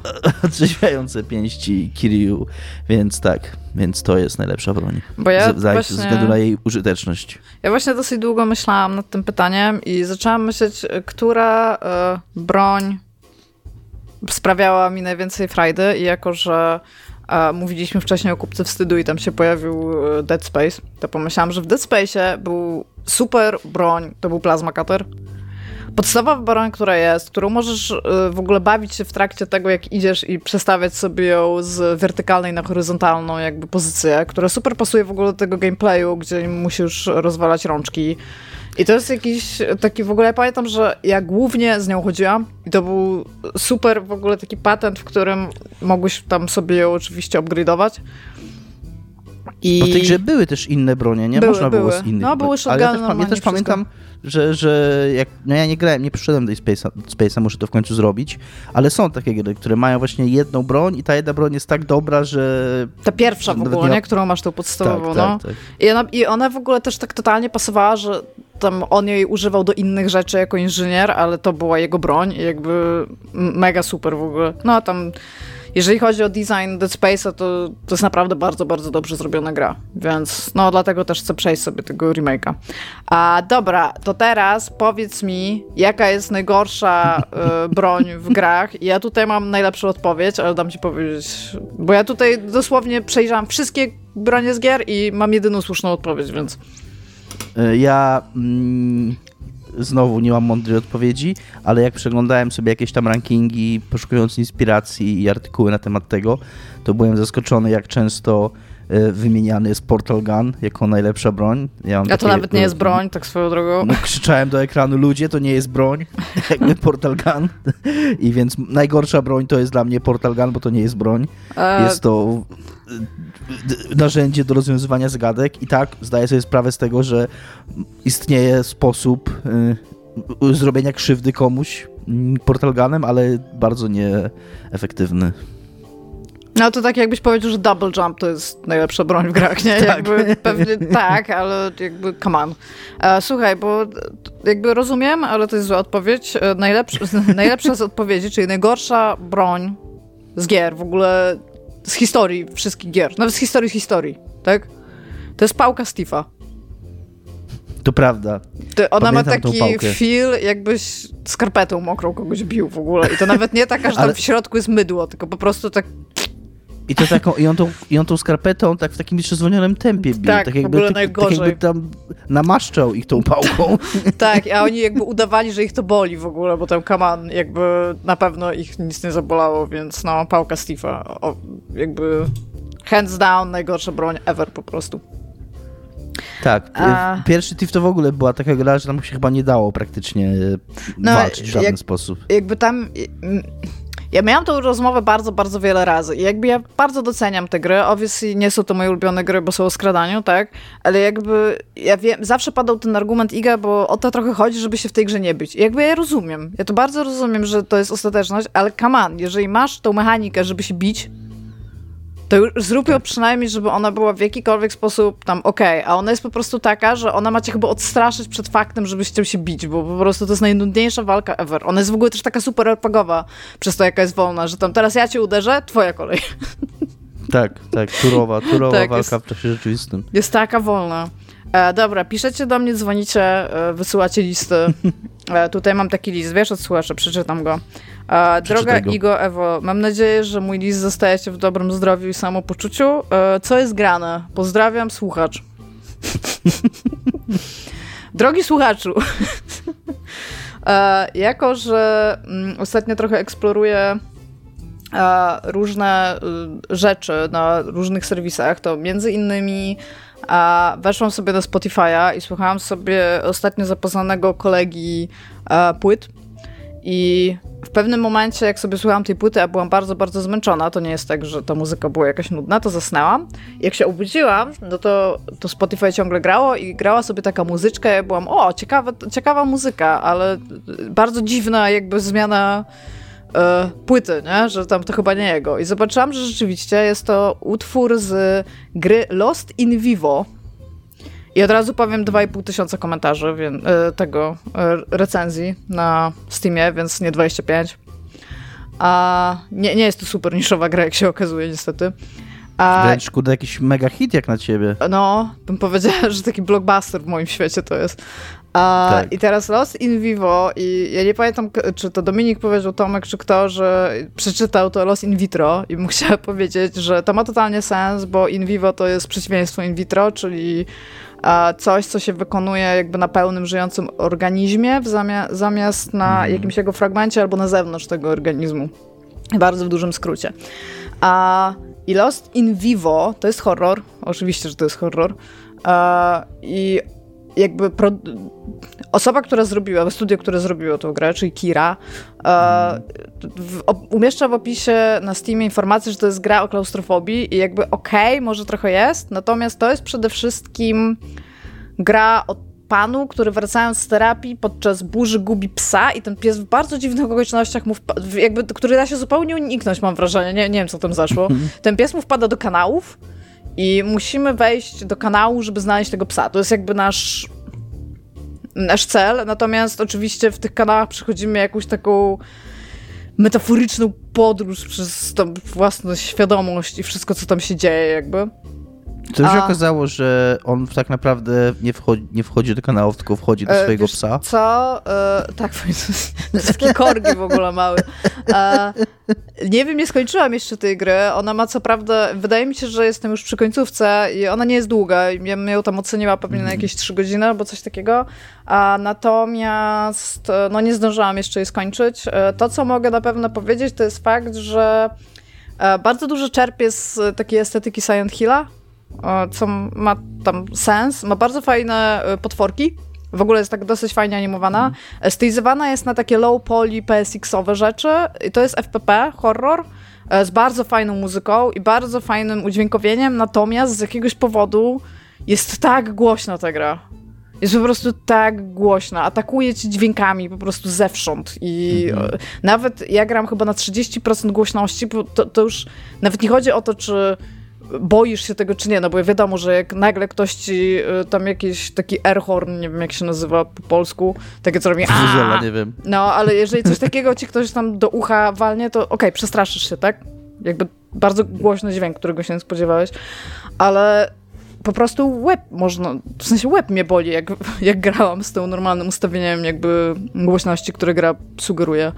A Natomiast mówię, warstwę muzyczną ma bardzo super i dźwiękową, fajnie zrobiona, ma ten 3D sound, więc w ogóle na samym początku jak wchodzisz do tych kanałów, to pod spacją pomyślałbyś, że skaczesz spacją. Nie, spacją mm. gwiżdżysz.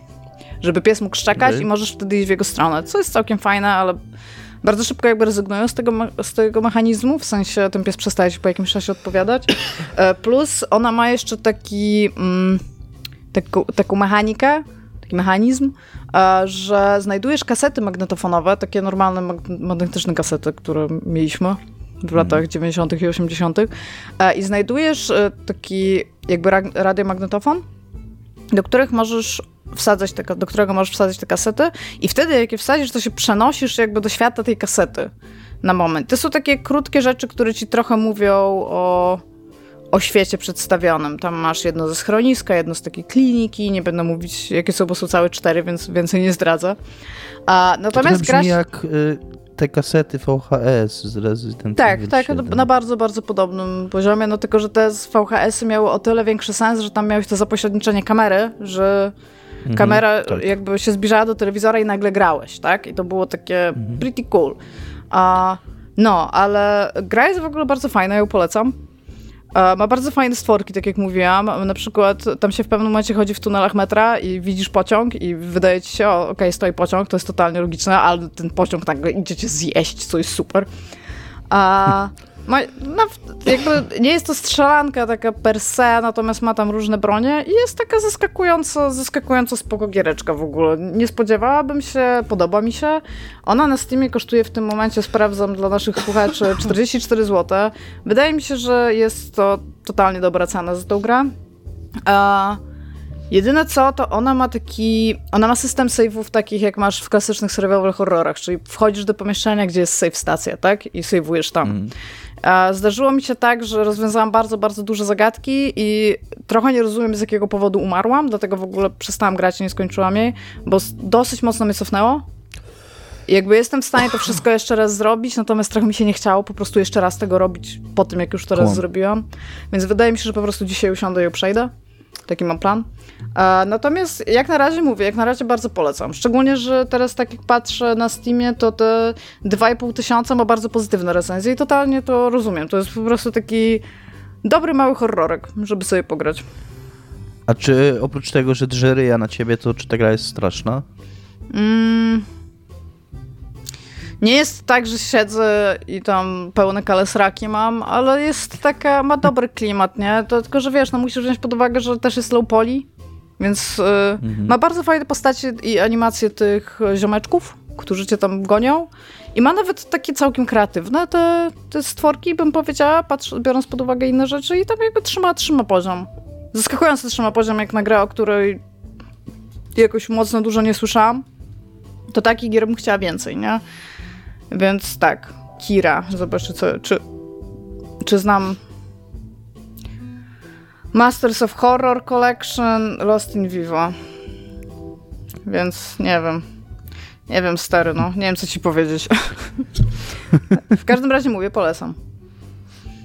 E, dobra, Dominik. Okay. E, jeszcze jedno Iga. pytanie jest od ciebie, teraz ty będziesz mówił.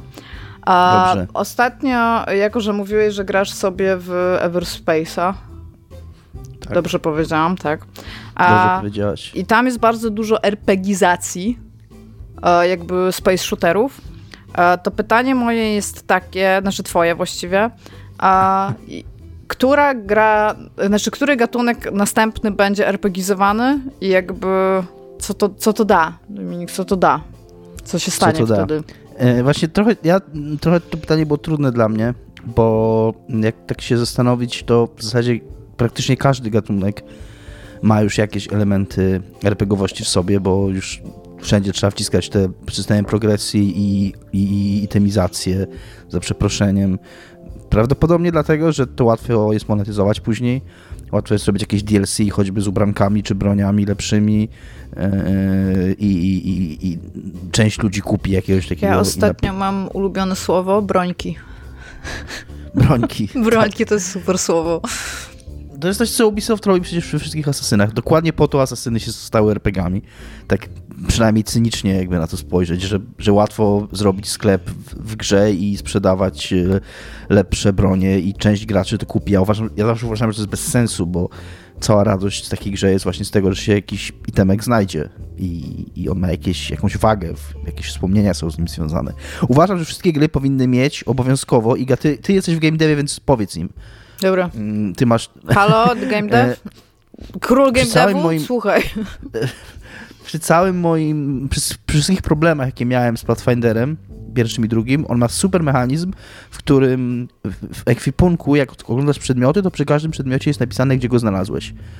E, co wiem, że o tym kiedyś mówiłem, ale wciąż uważam, że to jest super mechanizm, dzięki, który pozwala ci właśnie tak sobie, bo często masz tych itemków pełno, już nie pamiętasz, a tutaj sobie spojrzysz i wiesz, że o, to było w tym dungeonie, to było w tej lokacji, od razu sobie przypominasz, co tam robiłaś i, i fajnie to mm, nadaje jakiegoś życia, takie czujesz, że z tym ekwipunkiem coś się wiąże, że on tam z różnych przygód pochodzi i, i, i to jest ekstra. A co jeżeli nie robisz gry o przygodach do Mixa wtedy? no to nie wiem, no to mógłbyś na przykład mieć, wiedziałabyś, na którym, nie wiem, e, w którym psie znalazłaś, jak masz tyle o chodzeniu po psach, tak jak ta, o której mówiłaś, tak? E, ale od jakiegoś czasu też gry samochodowe mają open worldy, natomiast nie mają za bardzo mechanizmów RPGowych, więc pomyślałem sobie, że można by zacząć robić takie RPG o samochodach, takie, że Dating faktycznie... Sima Open world nie, takie prawdziwe, prawdziwe RPG, że jeździłabyś po tym open worldzie i coś by się w nim działo, tak? Że nie tylko, że tam Ale byłbyś samochodem. W sensie inne tak, samochody by ci dawały questy. Tak, dokładnie. Albo byś znalazła samochód tam rozbity przy, przy drodze i musiałabyś tam pojechać do najbliższej stacji benzynowej i przywieźć mu tam kanister z benzyną, a Ale później on by był rozbity, czemu pojechać... chcesz mu przynieść kanister z benzyną? To... No bo... No bo tak działają samochody, nie wiem, Iga, no. To, to Podpalić moją... go chcesz, czy co? To wyczerpuje moją wiedzę. No jak się, na, jak się napije Czekaj, benzyny, to... czy w świecie, jakby... gdzie rządzą samochody, jak masz stację benzynową, to siedzi samochód za ladą i musisz mu zapłacić za tę benzynę? Czy to jest jakby dobro wspólne? Ja chciałam powiedzieć jak woda na świecie, ale to nawet nie jest prawda. Niestety żyjemy w bardzo złym świecie. Totalnie samochody, samochody sprzedają, tak jak ludzie sprzedają jedzenie innym ludziom, tak? I to nikogo nie dziwi, że... Ale to jest taki żeby... McDonald's, nie? Ta, ta benzyna jakby. tak. Okay. I, tak mają, I takie mają przy tych, przy dystrybutorach takie stoliki są, gdzie samochody podjeżdżają, tam gadają ze sobą i pod, podczepiają sobie te tam, te, no jak to się nazywa, no te takie tam a, w sensie te coś do baku się, tak? Wlewa. Tak, tak, Nie tak. Wiem. Podczepiają sobie to do baku i, i, i przez takie są stoliki i, i, takie samochody sobie nalewają tą benzynę i gadają w tym czasie, tam czytają gaz jeden o, czyta widzę, gazetę. 9-8, powodzi się, mówią do siebie. No dobra, no okej, okay, jakby kupuję to, ale ja to potrzebuję elementu datingu, gdzie musisz datować inny samochód i tam właśnie możesz mu kupować olej i on się wtedy cieszy. To tak, to mogło być takie japońskie RPG właśnie z takim systemem y, y, symulacji życia jak Persona. No, i... w ogóle wyścig natury to jest mój ulubiony rodzaj samochodówki. Ty. Co robisz? Używasz przedmiotu, czy jedziesz do przodu? Ty? No miałbyś, miałabyś dwie akcje tylko. Albo trzy. Do przodu, skręć w lewo, skręć w prawo. Nie? I torówka. No, e, bo ja sobie tutaj wpisałam, Dominik, Walking Simy, moim zdaniem bardzo dużo by zyskały na RPGowości, gdzie po prostu chodzisz i oglądasz rzeczy, ale też z jakiegoś powodu masz levela i takie zupełnie bezsensowne tam, masz plus jeden siły, musisz wydać, musisz tam, tam zmienić statystyki swojej postaci po prostu tak randomowo liczby ci lecą i chodzisz. Ale i... nie byłoby żadnej, żadnej tam walki, nie, czy nic, tylko nie. po prostu... po prostu miały być elementy RPG just, just for the sake of it. E, I słuchaj, przygodówki, gdzie możesz e, na przykład rozwiązać zagadki e, ze względu, znaczy patrząc na statystyki, jakie masz. I niektórych byś nie mógł rozwiązać, bo na przykład masz za mało. I co wtedy? No wtedy nie możesz przejść gry. Byłyby takie, byłyby takie te yy, po prostu przecież to momenty gry, że trzeba by iść i pogrindować, na przykład tak. iść i jakieś rozwiązywać jakieś takie no. łatwiejsze, łatwiejsze zagadki, żeby tam, nie wiem, żeby co, co byłoby odpowiednikiem zabijania szczurów w przygodówce? Nie wiem, dawać, trzeba dać pięciu psom kości, żeby przestały szczekać i, i bronić jakiegoś przejścia. Tak. I wtedy, I wtedy się dostanie doświadczenie, żeby rozwiązać trudniej, trudniejszą zagadkę. Dokładnie tak jest. tak swoją drogą w tym RPG-u e, samochody też będą musiały zabijać szczury, wiesz o tym? Będzie w ogóle taki karcz masz samochód będzie mówił, że mu się zalęgły, kurde, w garażu szczury. I to będą takie małe samochody z jakiegoś powodu. Takie, stero- takie zdalnie sterowane, no. Więc tak. E, no dobra. E, to ja mam takie dodatkowe pytanie jeszcze dla ciebie, Dominik, tutaj wypisane. Ale ty nie powiedziałaś, jakie RPG... No jak, Aha, Walking Sim i przygodówki, śmiejemy się z tego. Come on, come on. Aha, aha, aha, no. dobrze, faktycznie. E... Dopiero co powiedziałaś i Dominik teraz y, poleci wam, drodzy słuchacze, przygodówki, bo ja mam takie pytanie tutaj dodatkowe do Dominika i bardzo bym chciała, żeby na nie odpowiedział, żeby y, polecił wam 10 przygodówek. Dominik, czy zrobisz to dla, dla naszych słuchaczy? Tak. Tak, w oryginalnie w tym pytaniu było, była mowa o gry, które najlepiej pamiętam, czy najlepiej wspominam. Więc teraz mi taki trochę przegląd przez moje życie od y, jego początków po jego koniec. nie, wow. po prostu wypisałem Czyli sobie... do 2027, jak ustaliliśmy, tak? Do, ostatecznie tak, upada kapitalizm. Wypisałem sobie 10 takich gier, które z jakiegoś powodu zapadły mi w pamięć, ale najwyraźniej tylko 8 z nich mi zapadło naprawdę w pamięć, bo w, w pierwsza wersja tej listy miała dwie, dwie gry inne, mm, więc może ty będziesz pamiętać, jakie były te inne i zrobimy 12 w ogóle z tego. Bo dzisiaj odtwarzając, bo oczywiście notatki do poprzedniego odcinka skasowałem. E, w, e, jakby przyjmując taktykę spalonej ziemi. E, I to, i to się Nikt się nie może dowiedzieć w ogóle. Tak, więc y, udało mi się 8 tych odtworzyć z tych, które mówiłem ostatnio. No to zobaczymy, czy, może, czy zapamiętałam, no.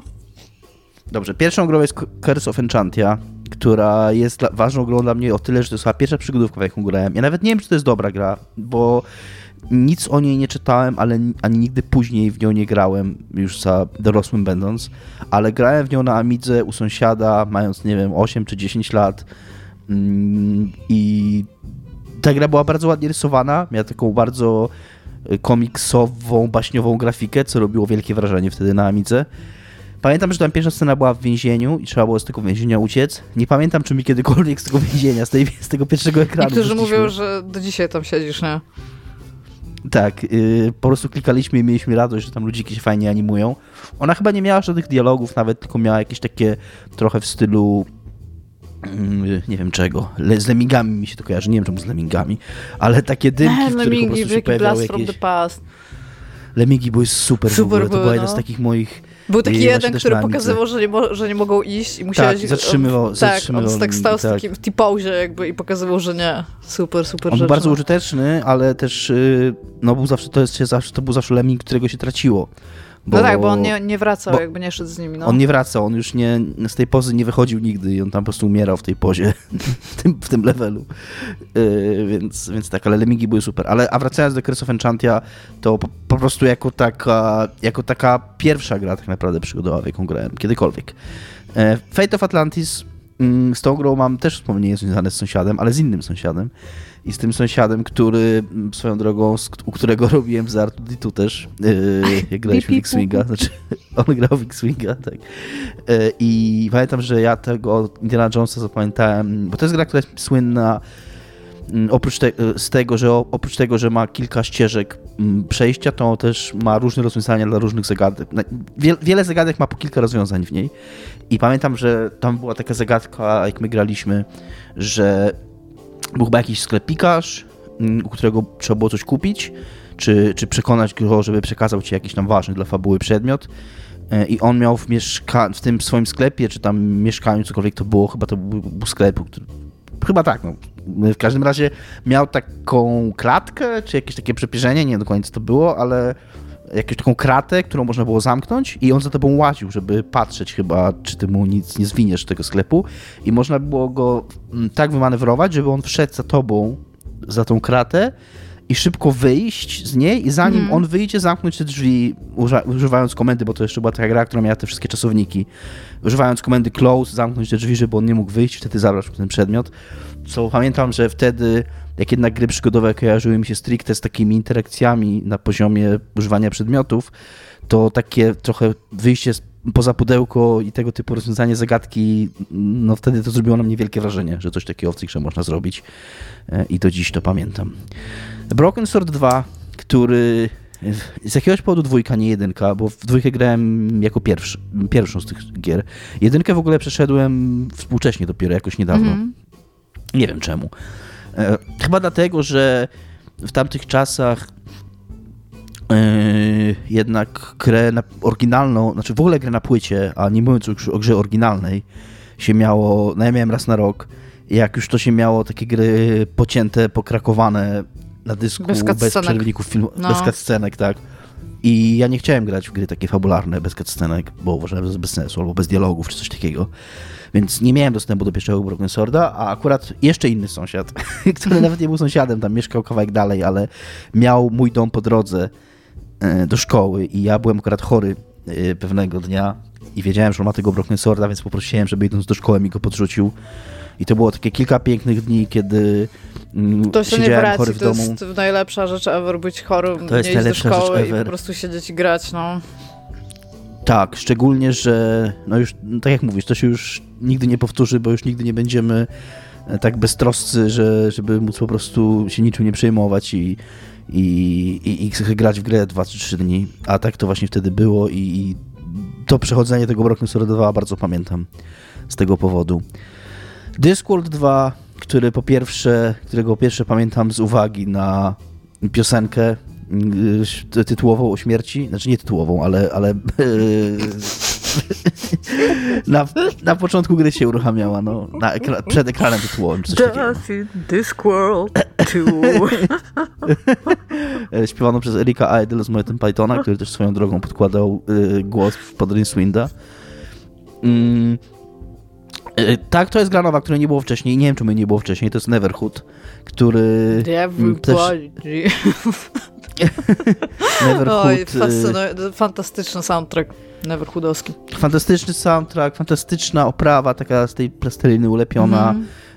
To z kolei grałem w jakieś wakacje z Ona innym kolegą z klasy. w ogóle, jak już wiedziałeś, jak ją przejść. Ja wiem, czy krótka, no może i krótka, ale też jak ja chodziłem do szkoły i przychodziłem to bez solucji, siedzieliśmy tam Nie, z, no, ja, jakby pamiętam, że tam zęby zagryzałam, żeby ją przejść, tak? W sensie to trzeba tak, było pomyśleć, to... ale jak już wiesz, jak ją przejść, to ona jest naprawdę bardzo krótka i pamiętam, że jak już właśnie za dorosłego chciałam ją jeszcze raz przejść i już pamiętałam, co tam trzeba było zrobić, to taka byłam jak, o, chcę więcej do No.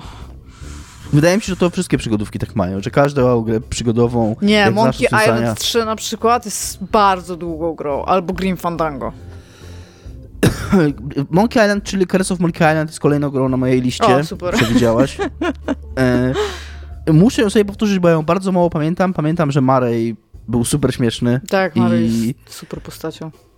I ja w tą grę grałem jako pierwszy, podobnie jak z Broken Swordem. Nie grałem wcześniej w Monkey Island, jedynkę i dwójkę, a mm, Curse of Monkey Island y, się zakochałem w tej grze. I też ona miała bardzo... On, wiem, że ta oprawa graficzna jej jest kontrowersyjna, i ona, nie, nie wszyscy ludzie ją lubią, ale może dlatego, że dla mnie była pierwsza, to dla mnie też łatwiej było przełknąć mm, te wszystkie nowsze odsłony, te wszystkie remake'i Monkey Island, bo one tak bardziej... Ja lubię w... na przykład jako osoba, która grała wcześniej w jedynkę i dwójkę, zanim trójka wyszła, to ja bardzo lubię Monkey Island 3, ale ja nie, nie kułam jednego wyboru. Jakby Guybrush z drugiej części Monkey Island jest super, a wróci, cały czas wracam do tej pierwszej, że on jest blondynem, nie ma brody. Jakby ja lubiłam fakt, że on wyglądał jak pirat w drugiej części, nie? Jakby nie wiem, czemu go cofnęliśmy w rozwoju, jakby.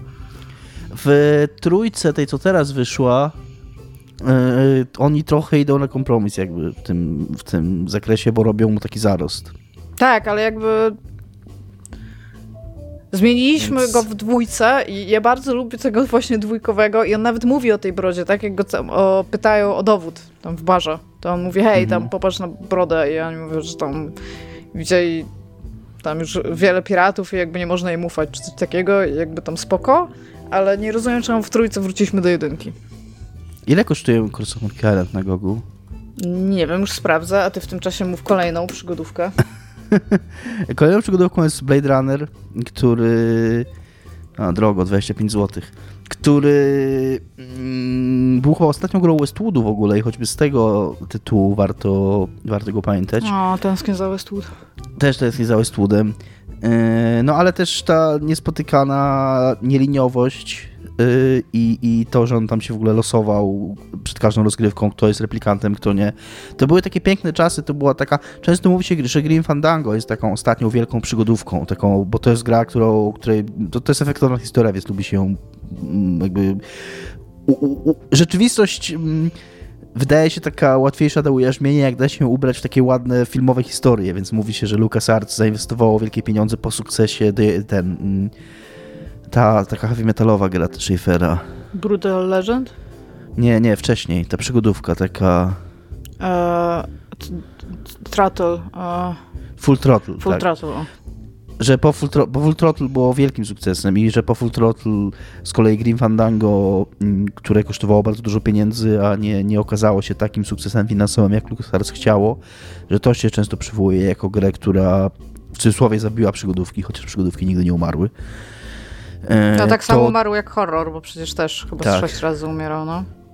To dla mnie taką ostatnią mm, wielką przygodówką, czyli w czasach, kiedy te gry jeszcze były na takiej mm, w takiej forpoczcie innowacji, kiedy faktycznie w tych grach się coś działo, nie było tylko taką skamieliną, że się robi je bazując na jakichś tam skodyfikowanych elementach i po prostu powtarza się to, co już było.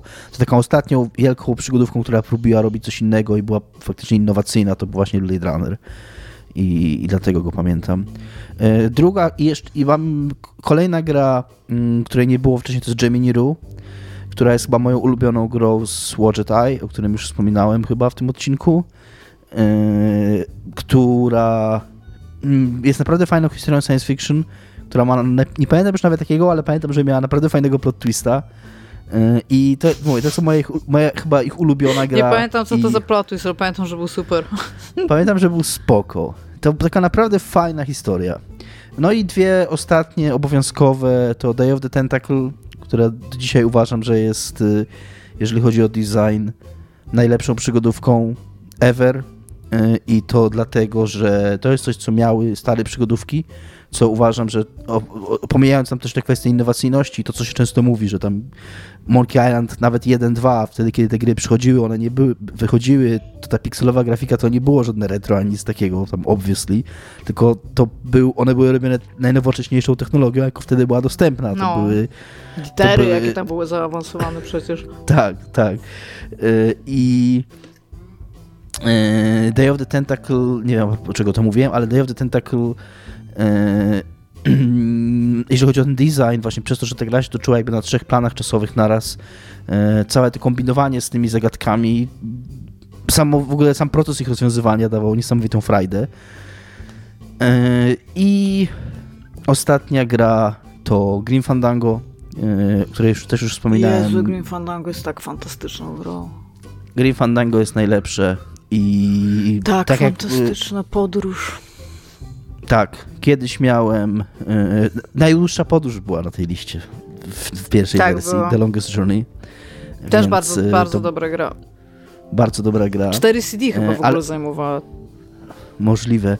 Ja wiem, że Grim Fandango, tak jak Day of the Tentacle uważam za najlepszą grę przygodową, jeżeli chodzi o design zagadek i o frajdę z, e, skombinowania w niej, to Grim Fandango to jest moja ulubiona przygodówka, jeżeli chodzi o tą warstwę fabularną i o tą podróż, którą się przeżywa w tej grze. Mm, I ona na pewno zostanie ze mną na długo. Więc powiedziałem 11 przygodówek, ale o najdłuższej podróży nie będę się roz, rozgadywał już, bo i tak długo gadam. Nie wiem, jaką jeszcze grę miałem. No, ja też właśnie nie pamiętam. O, już nigdy się nie dowiemy. no. No, więc y, chyba tyle, co? Y, chyba tyle. Odcinek y, w czasie i przestrzeni rozciągnięty. A chcieliśmy tak. podziękować wszystkim ludziom, którzy wpłacają nam na Patronite'a. Jeżeli nie chcecie nam wpłacać na Patronite'a, to jakby luzik arbuzik, nie będziemy się obrażać, nie będziemy chować żadnego paywalla za contentem nigdy, ponieważ szanujemy was jako słuchaczy. Bardzo się cieszymy, że nas słuchacie, nawet jeżeli uważacie z jakiegoś powodu albo nie możecie nam wpłacać, to naprawdę jesteśmy z tym very, very ok. A, no, no i jakby y, zgrany duet powróci być może za rok, być może wcześniej. E, zobaczymy. E, I w sumie co? To tyle, tak? Dozo. To tyle. Cześć.